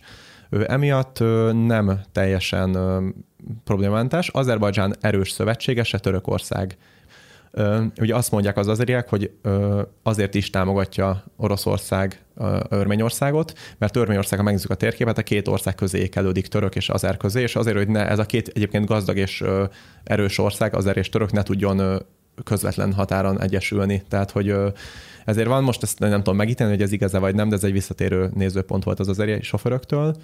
Tehát az Aliyevék, ők a, a, a azért uralkodó családok nincsenek különösebben jobb a Putyinnal. Aztán tudod, mi van a háttérben, nyilván üzletileg jobba kell lenni valamennyire, de hogy ők egy más irányba vannak. Uh-huh. És most itt rá pillantottam a térképre, hogy Baku az ugye egy ilyen kis félszigeten így benyúlik. Hát a igen, a félszigetnek a öblében tulajdonképpen. Öblében. A kicsit a térképen, mintha ott lenne, de igazából az öbölben. És be is mentél akkor Bakuba? Persze, Tehát persze. Ez gyakorlatilag persze. egy ilyen zsákutca, és onnan vissza kellett jönni, vagy, vagy a Kaszpi-tengeren átmentél? hanem Azerbajdzsán, amúgy is engem nagyon érdekelt. Én azt mondom, hogy a Azerbajdzsán lesz az új Grúzia, tehát szerintem pár év múlva hatalmas turista boom lesz, azért, mert iszonyú ország, tehát nagyon-nagyon-nagyon sok ö, ö, mi az, tájegység van, kulturálisan sokkal érintetlenebb, mint Grúzia, annyi úgymond hátrány európai turizmus szempontjából, vagy iszlámország, ez nyilván el, valakit visszarettent, viszont nagyon-nagyon érdekes ország, és felfedezetlen országna. Tehát most azért nincsenek ide túrák, egyszerűen mert egyszerűen nincsen neve. Tehát, hogy nem, nem lehet még így eladni a turista piacon, iszonyú Azerbajdzsán, tehát pazar. Mert nézegettem, hogy Bakuból ki autózol egy fél órát, és olyan tájon vagy, mint hogyha Marson lennél. Hihetetlen, tényleg. Ez tényleg ilyen? Ö, ugye van ez a, most nem tudok pontosan idézni, talán 13 ilyen ö, táj jelleg van a, a, a világon, mint a tundra, meg stb. stb. Ebből a 13-ból Azerbajdzsán azt hiszem, hogy 11 megtalálható, és ez egy viszonylag kicsi ország. A három kaukázus, ugye grúz, örmény, azer közül ez a legnagyobb ország, és messze a leggazdagabb ország is, viszont a legzártabb is. Tehát ugye a vízunk egyébként egy online vízum 20 dollár, tehát három klik, semmi extra de, de azért ez egy konzervatív ország. Tehát nem olyan, mint Grúzia, hogy hello, turisták gyertek, még, de szerintem ugye ez... Fog nyitni? Igen, hát ugye ez az uralkodótól függ elsősorban, hogy ő mennyire szeretné. Hogy... egyébként? Hát nem különösebben, mert ugye neki megvan az olaj. A, neki nem különösebben, igen. de az underground utazók szerintem egy pár éven belül meg fogják szállni az országot, mert eszméletlen pazar, kaukázus, Kaspi-tenger, ö, ö, sivatag, kősivatag, homoksivatag, cédrus erdők, fensíkok, egyszerűen hihetetlen, tényleg nagyon extra. Hogy most kell? Ja, ja, ja, mindenkinek ajánlom, vízzel azt hiszem repülés még Bakuban. Igen, igen. jó. És akkor te ott turáztál, jártál körbe? Na, és nagyon sokat maradtam Azerbajdzsánban, majdnem két hetet, tehát gyakorlatilag az egész országot bejártam, nagyon-nagyon sokat stoppoltam, ugye turistáról, nyugati turistáról az emberek nem hallottak. Tehát zéro, zéro vidéken, csak Bakuban. Bakuban úgy keveset voltam, nekem nem túl érdekes város, ilyen mű, műváros, mint az összes ilyen diktátorváros, tehát hogy fel vannak építve a szép épületek, és kit érdekel. Ö, sokat voltam fönt a Kaukázusnak ebben a déli részén, ahol főleg avar népcsoportok laknak. Ami engem ott értekelt az az, hogy a régi ö, keresztény ö, templomok mennyire maradtak meg, nem mint hogyha a vallás ilyen amúgy különösen érdeklődnék, csak hogy ez érdekes, hogy ö, ennek milyen sajtója van, ugye ez a templomrombolások, stb. És akkor itt voltam több ilyen, mindegy, Kabbalah, Kah, Seki, több olyan kis városban, a Kaukázus déli lejtőjén, ahol maradtak ezekből a régi, sok esetben örmény, örmény templomok tulajdonképpen.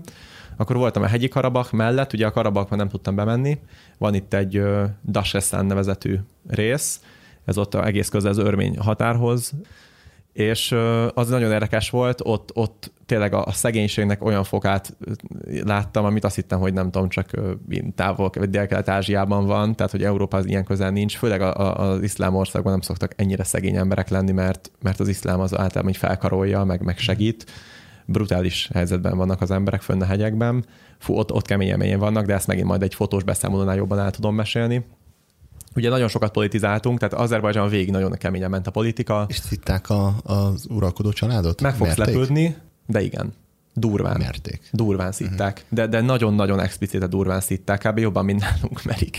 Tehát ö, minden faluban és városban hatalmas arckép, minden út Aliyev út, ö, ö, iszonyat, nem tudom, most nem is akarok belemenni, nézzek, nézzek utána, hogy mi a pálya ebben az országban politikailag, brutális, mm. tehát vállalhatatlan, vállalhatatlan egy kaukázusi országtól. És nem félnek a megtorlástól, vagy túl messze van a, a családnak a karhatalma, hogy elérjen erre a vidéki részre, vagy, vagy akivel így jobb volt az összhang, ezt konkrétan megkérdeztem tőle, hogy nem félett, hogy most külföldiek, ilyesmi, és így emlékszem, egy, egy kach mellett egy családapuka ezt mondta, hogy hátrafordult, széthálta a kezét, és azt mondta, hogy mi a jó Istent vegyenek még tőlem el. Tehát most mit? Mit? Élek, dolgozok keményen, alig van pénzem kajára, mint két lánya volt, aztán úgy náluk is töltöttem két napot, ott tök jól segítettem neki egy ilyen lakatos üzembe dolgozott, hogy nem tudom micsoda, és akkor bementem egy lakatos műhelyben. Szóval, hogy ez, ez volt rá a reakció. Vettek föl kifejezetten sok Na érdekes hogy Azerbajdzsánban minden ö, rétegéből a társadalomnak nagyon sokan vettek föl, szegények, gazdagok, mert annyira nincsen turista, legalább hogy, valami kapcsolat hogy legalább valami kapcsolat a mhm. külvilággal, mm. és ö, viszont a benzin meg relatíve olcsó, tehát hogy a szegényeknek is van autójuk, tehát hogy így velük is kapcsolatba lehet stopláson keresztül kerülni. Fú, nagyon érdekes dolgokat láttam, hogy az egész föld, nem is tudom, hogy fogom, ezek meg van bolondulva, törföld az olaj, gejzirek, ö, ilyen ö, mud volcanoes, ilyen ö, Sár, sárvulkánok, sár iszapvulkánok, iszapvulkán, igen például találtam egy olyan forrást, amin földtört a víz, így víz, tehát rendesen függőlegesen, és a víz tetején égett egy láng, de egy nagy láng, egy ilyen 10 centis láng. És volt is oda téve egy ilyen kis szerkezet, és fölötte volt egy szamovár, és kiszedték a vizet, fölrakták, és a víz, vízen égett a láng. Ugye csomó hely, amit láttatok már biztos képek, hogy a föld éget, rendesen a homok, homok ilyen lyukakból, ahol jön ki a gáz, tehát meg van bolondulva a föld ebben az országban. Azt. Na és aztán akkor innen Azerbajdzsánból merre, merre indultál tovább? Uh-huh. Ugye Azerbajdzsán, jól mondtad, ez egy, ez egy zsákutca abból a szempontból, hogy Oroszország felé vízum kell, Irán felé vízum kell, visszafelé meg ugye amerre jöttem. Ezért ö, azt csináltam, hogy ö, elég sok problémázás után szereztem egy ö, kompot, ami, ami átvisz a túloldalra, ahol egyébként Türkmenisztán lenne, vagy akkor Iránt nem is akartam. Skippeltem. Skippeltem. Igen, igen, igen, igen. A Ugye vízum Irán, miatt? Vagy, aha, vagy igen, egyéb... vízum miatt. Meg azért, mert Irán az egy nagyon más régió, tehát kulturálisan jelve sia, muszlim, meg amúgy is, és úgy gondoltam, hogy ez nem jó, hogy most egy-két hét alatt átmegyek hmm. rajta, oda rá kell szállni egy-két hónapot, és akkor gondoltam, inkább nem is kóstolok bele, hogy nehogy ilyen mellékvágány legyen. És akkor egy kompal átmentem a Kaspin, ezért fizettem pénzzel, csak hogy korrekt legyek, ez is egy érdekes. Hogy... Ja, bepróbálkoztam, de nagyon rövid úton elküldtek a francba. Ez is érdekes volt, mint tudom, egy napig megy át a komp, vártam rá kb. 48 órát, tehát hogy mondták, hogy mikor indul, de ez is eszméletlen szervezettség, tehát az, hogy annyit telefonáltam nekik, meg minden. És akkor a túloldalon ugye Türkmenisztánba érkeznék, de én nem oda érkeztem, méghozzá azért nem, mert ez az a vízum, amit szerintem december óta intéztem, minden rohadt követségen megpróbálkoztam Párizs és Teherán között és egyszerűen nem tudtam szerezni türkmén vízumot. Nem tudom, hogy miért, mert nyilván van azért egy vízumhisztorim, hogyha erre rálátnak ott a hatóságok. Egyszerűen nem tudtam. De a végén már öt napos vízumért könyörögtem. Fizettem is amúgy jó sok pénzt minden rohadt ügyintézésért, és egyszerűen és nem. elutasították, el, elutasították. El, el, annak tehát, ellenére, hogy fizettél? Igen, hát ugye ez egy ügyintézési díj, ami nem jár Aha. vissza. Tehát, hogy ez, ez, ez amúgy korrekt deklarálva van előre, hogy a kimenetétől függetlenül ez nem visszatérítendő. És mi volt az indok? Semmi. Semmi. We regret to inform you that bla bla bla. Dear. Igen. Ja, igen, igen. Na, Türkmenisztáról emiatt nem is mesélek, pedig egyébként a legextrémebb ország ebből a régióból. Ez brutális diktatúra, teljesen zárt ország, tehát szinte észak-koreai szintű. Tehát én megérkeztem Kazaksztánba, és ö, emlékszem, hogy leszálltam erről a kompról, ö, mit tudom én, hajnal egy lehetett, és ö, ez Aktau, Aktau városa ott észak-kelet, Kaszpi észak-keleti medencéje, és ugye hát ott a sivatag, sivatagba köt ki a komp. És a kikötő mellett le volt téve egy pár négyzetméter ilyen műfű, le volt terítve, gondolom így a hangulat kedvéért, oda lefeküdtem, és ott elaludtam a műfövön, és éjszak arra keltem, hogy rám dudált valaki. És képzeljétek el, hogy négy kocsi jött, vagy idegen sofőrökkel, mind a négy agyba-főbe összeverve, és a banda, az a banda, amelyik ugye nem vele jöttem, mert én a főnökükkel jöttem addig, de hogy az a, az a banda, ugye meglátta, hogy ott fekszek, rám dudált, hogy mi a pálya, és fölvettek. És ugyanezzel az izével kocsilopos banditákkal mentem ne. tovább Kazasztánon keresztül, érted?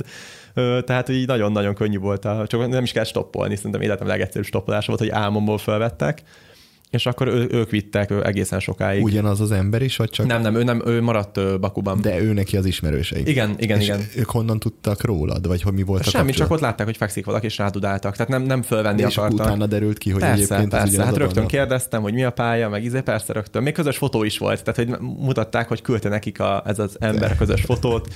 Igen. Akkor itt nem kellett bizonygatni, hogy nincs a drog sem. Nem, nem, tök jó volt. És akkor velük mentünk. Én a Kazasztánnak ezen a részén abszolút nem jártam, még hát érdekes volt ez a teljesen kihalt kősivatag, nagyon sok sóval, sok ilyen fehér sóhegy, a dromedárak össze-vissza az úton, a szegény nomádoknak a gyerekei kint az útszélén a vizes palackkal integetnek, ugye adjunk nekik vizet, tehát hogy kemény. És itt kezdődik egy nagyon nagy ö, táj, ami a Kizilkum sivatag, vörös homok talán magyarul, ugye a Karakkom az, ami ettől délre van a Türkmenisztánban, az a fekete homok, az is homok meg szikla, ez meg főleg, főleg szikla. Rohadtú barátságtalan vidék, ez volt úgymond a mumusa ennek az, az egyik mumusa ennek az útnak, hogy itt hogy fogok átmenni. Nagyon rossz napjaim voltak. Itt ez egy kifejezetten nehéz vidék volt, amit addig nagyon könnyen elment. Ugye ezek, a, ezek az emberek elvitték egyébként a kazah-üzbék határig, uh-huh. ahol belépünk a Karakal-Pakistan területére, ami egy ilyen olyan régió, még a Vámbéri Árvin is írja, hogy inkább vállalták a sivatagot, mint hogy errefelé jönnek, mert ezek ilyen emberevő vérszomjas törzsek, akik ott laknak. Nyilván nem 2019-ben, de hogy egy szörnyű régió ebből a szempontból, hogy se víz nincs, se növény, se település, semmi, semmi, csak megy az ember a végtelenségbe. Ugye semmiatt nincs forgalom se. Tehát itt jött egy nagyon rossz 2000 kilométer, ez a Aktau de nem is nagyon lehetett volna Nukusz. kikerülni. De sehogy. Hát, Maximum úgy, hogyha Iránon, Afganisztánon igen, keresztül. De nem? hogy Irán keresztül jövök, akkor is ugye kellett volna a türkmén vízum, és az nekem nem volt. Uh-huh. Tehát, hogy, tehát, hogy így lehetett volna elkerülni. Mert hogy Afganisztánba ott nem tud, mert hogy ott, ott nem tudok átmenni. Nem, a Irán-Afganisztán sajnos nem működik, igen. Uh-huh. Igen, igen, igen, amúgy erről is gondolkoztam. Szóval ez szörnyű volt is stoppolni. Papucsba voltam, szétolvadt a papucs, rohadt meleg volt, iszonyú poros voltam, katasztrófa volt. Nem Ö... tudom, hány napig nem fürödtél? Ja, hát sok-sok-sok-sok. Ugye itt miatt felszálltam a kompra, igen, ott még megfürödtem a Kaszpiban, de ezen az oldalon itt legalább egy hétig nem fürödtem, tele volt minden homokkal. Ö, szerintem úgy itt írtam össze anyáméknak, mert nagyon szarul voltam, le is betegedtem, mint állat. És akkor az volt a szerencsém, hogy fölvett, ugye nem volt forgalom, az volt, hogy ott ültem egy ilyen homokbuckán az út mellett, ami az út az egy ilyen, tudod mi, egy ilyen csapás ott a kavicsok között, és senki nem jött. És nagyon demoralizáló volt az, hogy most jó, nyilván voltam másfél liter víz, de hogy rossz volt, és az volt a szerencsém, hogy jöttek rendőrök, és akkor rendőrök felvettek, hogy megijedtek, hogy valami gond van, és elvittek egy ilyen katonai checkpointra. És ott jött egy busz, ez legszarabb, legrozogább busz képzelje, amit, amit valaha is láttál, tehát a Dél-Kelet-Ázsia mínusz kettő, és képzeld, hogy Moszkvába jött a busz moszkvai Jézus. vendégmunkásokat hozott haza, már mit tudom én, 92 óra úton volt, és a katona megmondta a busznak, hogy már pedig engem elvisznek a következő lakott településig, és így kerültem el a Karakapisztánnak a fővárosába, Nukuszba. És Nukuszban, éjszaka érkeztem, nagyon rosszul voltam, klasszikus módon bekapogtattam az első ajtón, és mondtam, hogy vándor vagyok, kurva szarú vagyok, légy engedjetek be. Beengedtek, és, és akkor ott, ott egy picit így regenerálódtam náluk. Víz ezen a környéken szinte nincs. Tehát emlékszem, mint a következő napokat úgy éltem túl, hogy folyamatosan sárgadínyét ettem, illetve ittam. Az van eszméletlen mennyiségű sárgadínje, azt terem, és konkrétan reggelire, ebédre, vacsorára és étkezések között is ezt nyomattam sárgadínyét, ami nyilván hasmenés gyanús. Ezt meg a, mi az a Iránt, tudod, a tej, ezt a teljes italt, uh-huh. ez a sós teljes ital, ez a kettő meg plov, ez a étel ennek a régiónak, ez a olajos, kicsit olyan, mint a paella, paella a spanyol, ez a, rizse, ez a rizses, olajos. Igen, az, az, ez, ez a plov az orosz vidék, uh-huh. vagy orosz befolyású vidéken. Szóval ez nem volt egy ilyen változatos, meg érdekes dolog, viszont egy három vagy négy nappal később elértem Kívába, ami, vagy Hívába, vagy nem tudom, hogy hogy van magyarul ez a ami, ami tök érdekes rész, egyrészt az ott már van turizmus, tehát ez egy régi, régről felmaradt ilyen karavánközpont, gyönyörű épületekkel, és ugye innen jön ez a klasszikus üzbék hármas, aki hív Bukhara Samarkand, amit mindenki ismer, aki Üzbegisztánba megy vagy nem megy, a gyönyörű hatalmas medreszákkal, az ívekkel, a mozaikokkal, tehát innen hirtelen újraindult a világ. Tehát itt volt egy ilyen gap az utazásom közepén, a Kaspi-tenger nyugati partjától híváig, amikor azt hittem, hogy megdöglök tényleg. Annyira távol voltam a civilizációtól. És így szittad magadat, mi a francot keresek Persze, itt? szokásos, ez, ez szokásos. Volt? Persze, hát az nem elég nem elég érv, hogy a csajom összetöri magát, és még így is eljövök egyedül, hogy legyek ekkor egy gyökér, de tényleg. Még, még arra ugorjunk vissza, Azerbajdzsánba hogy érezted magad? Amúgy az jó volt. Ott, ott otthonosan éreztem magamat. Tehát ott megjött az erő, igen, megjött igen. a kedved hozzá. Igen, igen, amúgy az kifejezetten jó volt, olyan jó hangulatban voltam, meg annyira érdekes volt minden napom, hogy elvitte a, elvitte. Mm. Ugye Azerbajdzsánban kulturálisan sokkal közel vagyunk még magyarokként hozzájuk, mint Üzbegisztán meg Kazasztán. Tehát az, a Kaszpi-tenger minden szempontból egy hatalmas vízválasztó, vagy hát földválasztó, mert ezt a múltkor is mondtam, hogy ugye nagyon nagy különbség van az olyan országok között, tehát itt nem civilizáltságról, nem iskolázottságról beszélek, hanem arról, hogy aki az európai kultúrkörbe valaha beletartozott, vagy a, a közös valóságunk van, velük egészen másképp lehet beszélni, mint azzal, aki amúgy tök jó fej, iskolázott, és, és, és értelmes, és ráállt a világra, de más háttérrel jön. És, és itt ez volt a nagy különbség. Tehát innentől kezdve már nem éreztem magam otthon. Az, Azerbajdzsánban még részben igen. Uh-huh. Na, és akkor Üzbegisztánban voltam, itt Hívában volt még egy nagyon fontos momentum az, hogy annyira mocskos, undorító, büdös és koszos voltam, hogy a városból kifelé még este tovább akartam stoppolni, hogy keressek egy sátrazóhelyet, megfürödtem egy kanálisban, és ez egy rossz ötlet volt, tehát onnantól így átdurvultak egy kicsit a dolgaim, ilyen higiénia, meg gyomor, meg ilyesmi. Össze is szedtél valamit. Ja, ja, ja, és, és azért a következő hetemben De egyébként így... tisztának tűnt, vagy? Hát nem, viszonyú mocskosnak, undorító büdös mocskosnak tűnt. De még így is azt mondtad, hogy én... Hát ugye víz nincs, tehát hogy nem is gondoltam, hogy lesz a jövőben, ez meg egy folyadék. De már is olyan opció nem volt, hogy akkor itt keresel egy szállást, ahol ahol nem, ez így nem merült fel. Nem. nem, nem merült fel. Inkább a kanál is. Aha, megmutatom a képet utána, fú, ez nagyon kemény volt, mert bejött mellém egyébként két csákó meg fürödni. Ez nem ilyen légből kapott dolog volt, hogy kanál, láttam már gyereket mm-hmm. kanálisban fürdeni, játszani. Ez ilyen pöccel, meg az állatoknak a kimosott zsuvája, meg az öntözővíz, tehát hogy sok minden egybe van engedve. Ugye itt van ez az Amudária talán a folyó, ami ezt a részt el, ellátja, ezért van egy csomó oázis itt a sivatagban, ugye ezért jöhetett létre híva. Na és ez a kép, ez publikus? Persze, ez publikus, ez publikus, mert nyak, amíg a dzsuvában vagyok. Facebook zárt csoportban az ilyeneket akkor megosztjuk. Jó, oké, akkor... persze, persze. Na, majd küldök egy pár jót, azt kiválogatod. Na, tehát innen, és akkor így, így az a Samarkand Bukhara rész amúgy jó volt, tehát érdekes, szép ránézni. Láttam fehéreket először az utamon, majd hogy nyugatiakat, Sőt, egy igényem is volt a társaságukra, tehát egyik este bementem aludni egy hostelbe, csak hogy reflektáljak a kérdésedre, és volt ott, mit tudom én, egy olasz csávó, meg három francia csaj, és csináltunk egy nagy milánói makarónit. Vettünk paradicsom konzervet, vettünk tésztát, és leültünk, sajtot nem találtunk sehol, uh-huh. és bezabáltunk európai módra, késsel, villával, fú, iszonyú jó volt. És ott így elkezdtem visszanyerni az energiáimat, ott meséltél az útról. Hát igen, meg ők is, igen, igen, igen, igen. Hasonló volt nekik is, vagy nem, azért ők a, oda repültek? Nem, Üzbegisztán, hogy kifejezetten sok turista van, emiatt uh-huh. a három város miatt. Tehát, hogy ez, ez tényleg egy felkapott rész, főleg amerikai meglepő mondom, eszméletlen sok amerikai van. Na, és Üzbegisztánban akkor így végül is egész sokat voltam, egy két hetet talán, és fölmentem a fővárosra Taskentbe, és hát az nem volt egy nagy izé, és akkor utána jött a Tajik, Tajik rész, ugye ott nagyon nagy váltás van, az, hogy ahogy az ember átmegy a Tajik határon, hirtelen megváltozik a tájjelleg, vége a egyenes pusztaságnak, és jönnek a hegyek méghozzá nem akármilyen hegyek, a Pamír, ami még nem az elején a Pamír, de a Pamírnak az előhegyei, ami ugye majdnem 8000 méter magas, tehát hogy ezek, ezek ez a világ egyik teteje. Uh-huh és akkor igazából ö, ilyen, ö, ez nem egy immediate stress, hanem egy, ö, sajnos nem tudom latinon mondani, de egy ö, hirtelen vége a történetnek. Ö, az, hogy ö, itt ugye stoppoltam a hegyekben, közepesen voltam jól. Igazából az a lendület, ami az elején elindított, az ekkora kezdett el ö, uh-huh. ki, ki, kipukkadni. Tehát, hogy Üzbegisztán meg, megcsináltam, meg volt a teljesítmény, és meg volt a szociális része, és tök jó Milánói volt. Milánói makaroni akkor nem annyira. makaroni, és, ja, ja, ja, és, és, és, egyszerűen azt éreztem, hogy minden nap így kicsit már kevésbé vagyok motivált, már annyira nem beszélgetek, stb.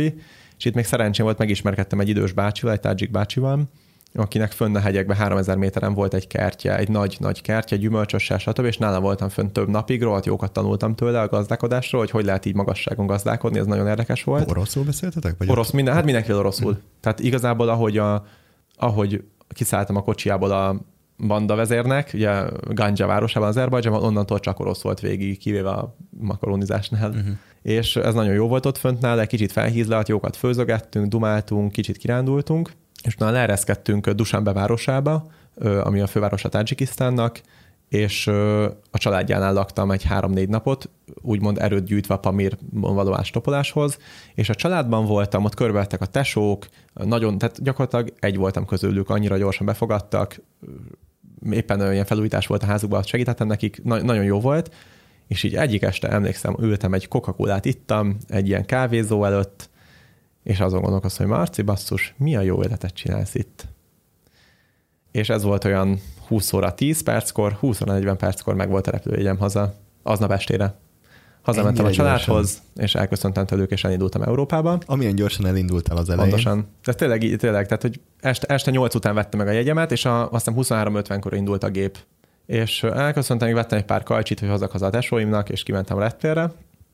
Még azért itt volt egy utolsó kis olyan fun fact.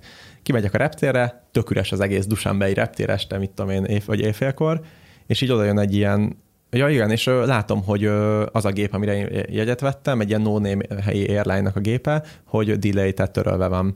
És oda jön hozzám egy ilyen hordárszerű csóka, és mondja, hogy hát, hogy én vettem, mert látják, hogy van egy utas erre a gépre, hogy én vettem De, erre. hogy, de hogy az egyetlen? Hát nem tudom, lehet, hogy más ki se jött, mert jobban informáltak voltak, de hogy én, én vagyok, aki egyet vettem erre a, a gépre, és mondom, hogy hát igen, és mutattam is neki, hogy itt van. Ugye egy európaiként mi az, hogy törlik a gépemet, úgyhogy három óra korábban vettem a jegyet, és így mondja, hogy hát ez a gép nem fog elindulni, mert ő nincs rá elég utas, de és kapaszkodjatok meg, de szerencsére pont egy bányásztársaságnak a magángépe megy Asztanába, Kazaksztánba, illetve pontosabban Nurszultánba, ugye most már nem Asztanán, Nurszultán, a főváros neve Kazaksztánnak. Ö, hogyha van kedvem, akkor nyugodtan szállják fel a magángépük, van rajta hely, és akkor felvisznek. Kimentem a reptérről a betonra, hátizsákommal, semmi pecsét, semmi papír, semmi igazolvány, semmi útlevél, Fölszálltam a bányásztárságnak a magángépére, hat bányász volt rajta meg a vezetőjük. A De hat luxus? bányász matri- hát luxus, igen. Hát mondjuk nem egy Dánbézeren értelembe vett luxus, de, de jó, hát nagy fotelek, meg felszolgálás, meg minden. A hat bányász be volt rúgva, mint az állat, mert még soha nem repültek, mert valamilyen medical checkre vitték őket. Felszálltunk, és reggel leszálltunk Nurszultánba. Kitettek az aszfaltra, hogy a bányászok elmentek egy ilyen kis busszal, és ott hagytak, és besétáltam a repülőtérbe. Azért ez egy fővárosnak a modern reptere, tehát nem egy ilyen kis pajtára kell elképzelni. És szóltam, hogy hát jöttem Tajikisztánból. Kopogtál a biztonsági Ja, hát de most nyilván megláttak ott, de hogy ez, ez hihetetlen, hogy ilyen helyzetben hogy lehet bekerülni. Egyébként te oda repültél volna? Tehát az volt az út? Igen, igen, tehát, oda, Oda. tehát azért mondta a hordár, hogy ugye van egy gép, ami pont oda megy, és ha van kedvem, akkor elvisznek. Hát mondom, nekem van kedvem. De durva. Tehát ez hihetetlen, ez Az hihetetlen kemény. tényleg. És akkor reggel ott megérkeztem Asztanába, és onnan meg hazajöttem a Fapadossal, ami egyébként, vagy Nurszultánba, és onnan meg hazajöttem a Fapadossal, ami egyébként megy. Tehát az azt jelenti, hogy másnap délutánra Magyarországon, vagy estére Magyarországon voltam. Milyen érzés volt? Örültem, hogy hazajövök. Esküszöm, az útban az volt a legjobb, szerintem soha nem történt meg velem, hogy, hogy így, hát most mondjuk ilyen szenzációhajhászon feladtam, de jó volt. Aztán önvizsgálatot tartottam. Van kedvem, vagy nincs? Nincs. Oké, akkor hazamegyek. Szerintem öregszel. Így Szerintem is. közel és ugye 30-hoz. visszakanyarodunk a 30 évhez, igen. Ugye? Egyszerűen tényleg, és, és kifejezetten élmény volt. Kifejezetten jó volt hazajönni, és ezután egész augusztusban csak Magyarországon stoppoltam. Nem voltam Pesten, tehát hogy így kicsit így nem is akartam ezt csinálni, hogy most bejelentettem, hogy elmegyek fél évre, aztán hirtelen megjelenek.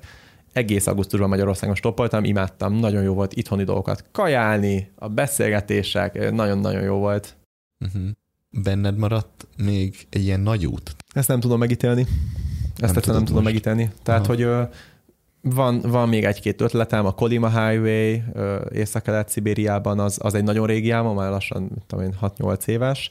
Ö, még az is, hogy Dushanbéból befejezem Sánkhájba ezt az utat, tehát hogy visszarepülni Dushanbéba. Ér, ér, ér, úgy. De nem, nem azért, mert tüske maradban, hogy hazajöttem, uh-huh. nagyon örülök, hogy hazajöttem, és nem mentem tovább, hanem, hanem ez egy érdekes út. Nem véletlenül ezt uh-huh. választottuk, ez egy érdekes út de az, hogy erőt most nem érzek magamban, az biztos. Ez mennyi volt a, a teljes távhoz képest, ahonnan hazajöttél? Ö, hú, azt tudom, hogy 7800 km stoppoltam. Igen. Mennyi volt a totál? De ez több, mint fél út volt. Több mint fél Több út. mint fél út uh-huh. volt, azért is, mert azért Azerbajdzsánban nagyon sokat cikcakoztam. Aztán nem tudom, hogy hogy alakult volna ugye tovább. Uh-huh. Kicsit, de mondjuk azt, hogy fél út volt, mondjuk, hogy fél út volt. Itt jött volna egy nagyon lassú rész, ugye a Pamiron átmenni, az kicsit táv, de nagyon sok idő és utána viszont a Kínán átmenni az viszont nagyon gyors, tehát ott ilyen jó utak vannak, meg egy út van, aztán megy. De az érdekes lett volna. Szóval, hogy egy picit ez, ez így sajnálom, hogy nem láttam ezt a régiót, de nem azért, hogy most visszajöttem és nem láttam, ezt máskor is meg lehet nézni. Most abszolút nem érzek magam, bár nem véletlenül azóta sehol nem voltam, mióta hazajöttem. Uh-huh. Tehát ilyen praktikus toplásokat csináltam, de hogy amúgy semmi, tényleg. De aztán lehet, hogy úgy, ugyanígy hirtelen majd jön egy gondolat, vagy egy érzés, aztán ja. az ne, Nehéz megítélni, hogy ez mitől függ. Tényleg az, a jó, kapizsgál, jó helyen kapizsgáltál szerintem a számomra, tehát ez nem univerzális dolog, de hogy számomra a stoppos társ személy az, az, az abszolút meghatározó. Uh-huh. Mivel, hogy egyedül nem szeretnék menni, azért de Ja, nem, nem tudom, tényleg most nem tudom. Most, most egész más, most elkezdtem utakat vezetni, ami egy nagyon nagy lépés nekem, mert sokszor egyébként explicite kiálltam a ipari turizmus, vagy a nem is ipari, ez még nem is ipari, de hogy a vezetett turizmus ellen, és most meg azt gondolom, hogy viszonylag sok dolgot, sok dolgot láttam az életemben, sok tapasztalatom van, de... Átadod ezt egy kicsit, igen, tehát, vagy, vagy hasznosítod. Igen, pontosan, vagy tényleg egyszerűen lószart sem ér, hogyha ezt nem adom ki magamból. Tehát uh-huh. azt, hogy most én sokat láttam, és kit érdekel hogyha nem tudom ezt értékesen átadni. Tehát az, az se rossz, az ember most izé egy sörmelt elmesél sztorikat, de hogy ez így. Szóval, hogy igen, átadni másnak a, a, az élményeket, meg a tapasztalást. De akkor lehet, hogy itt hirtelen, ugyanolyan hirtelen lesz vége ennek a beszélgetésnek, mint ahogy a... Mint Dusan B. túrának. Igen, mint ahogy a te ja. utad. Úgyhogy én nagyon köszönöm neked, élveztem. És ha természetesen lesznek, lesznek újabb kalandjaid, akkor pedig szeretettel látlak, szeretettel várlak. Na. Köszönöm szépen a lehetőséget, és, és köszi egyébként, hogy csinálod ezt a podcastet is, mert tök jó, hogy ez is egy ilyen lehetőség az átadásra, hogy, hogy az ember megoszta nem tudom, gondolatait, meg véleményet a világról. Reméljük még sokáig fog menni. Köszönöm köszi szépen. szépen. Köszi, sziasztok! Ha tetszett, amit hallottál, küldj nekem egy lájkot vagy egy kommentet, és kérlek, oszd meg az epizódot minél több barátoddal, ismerősöddel. Ezzel tudsz nekem a leginkább segíteni abban, hogy terjedjen a podcast jó híre. De ha bármilyen egyéb kérdésed, visszajelzésed van, azt is szívesen fogadom akár Facebookon, akár Instagramon. Sőt, most már az epizódokat megosztom az utazóbázis csoportjában is. A már 50 ezer főt számláló közösséget az Utazás a Nagyvilágban Európán túl csoport névvel találjátok a Facebookon. Ha még nem vagy tag, csatlakozz te is. Linket megtaláljátok a leírásban. Illetve, ha új vagy, és még nem tetted volna, akkor nyomj egy feliratkozás gombot kedvenc podcast lejátszódban most. Mint mindig köszönöm a figyelmeteket, engem Mátai Andrásnak hívnak. Sziasztok! I feel like I'm.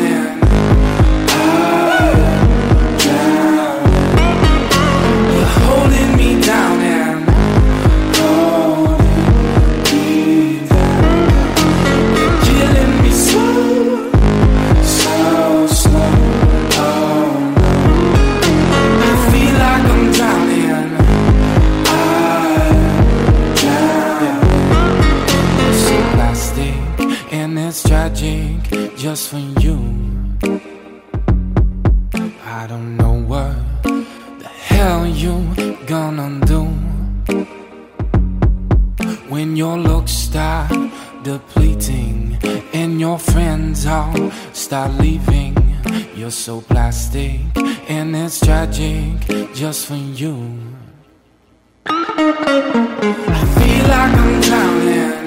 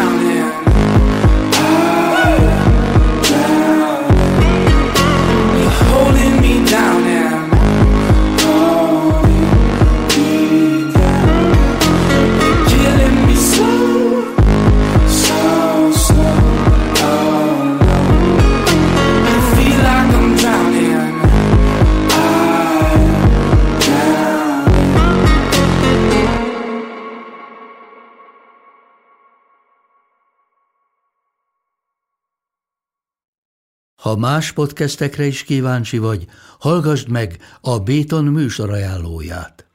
El tudod képzelni, hogy a podcastet, amit éppen most hallgattál, fél év múlva már a mesterséges intelligencia generálja? Mi sem. De ha érdekel, eljött már a gépek lázadása. Hallgass bele az Embertelen podcastbe. Orsós Lajos vagyok, a műsor házigazdája. Egyelőre még élőben. Egyelőre. Fedezzük fel együtt, hogyan ismerkedik, randizik, mesél és vitatkozik Betty és Péter, két teljesen mesterséges intelligencia. Lajos, a podcast címét mond még egyszer, Léci. Oké. Okay. Embertelen podcast.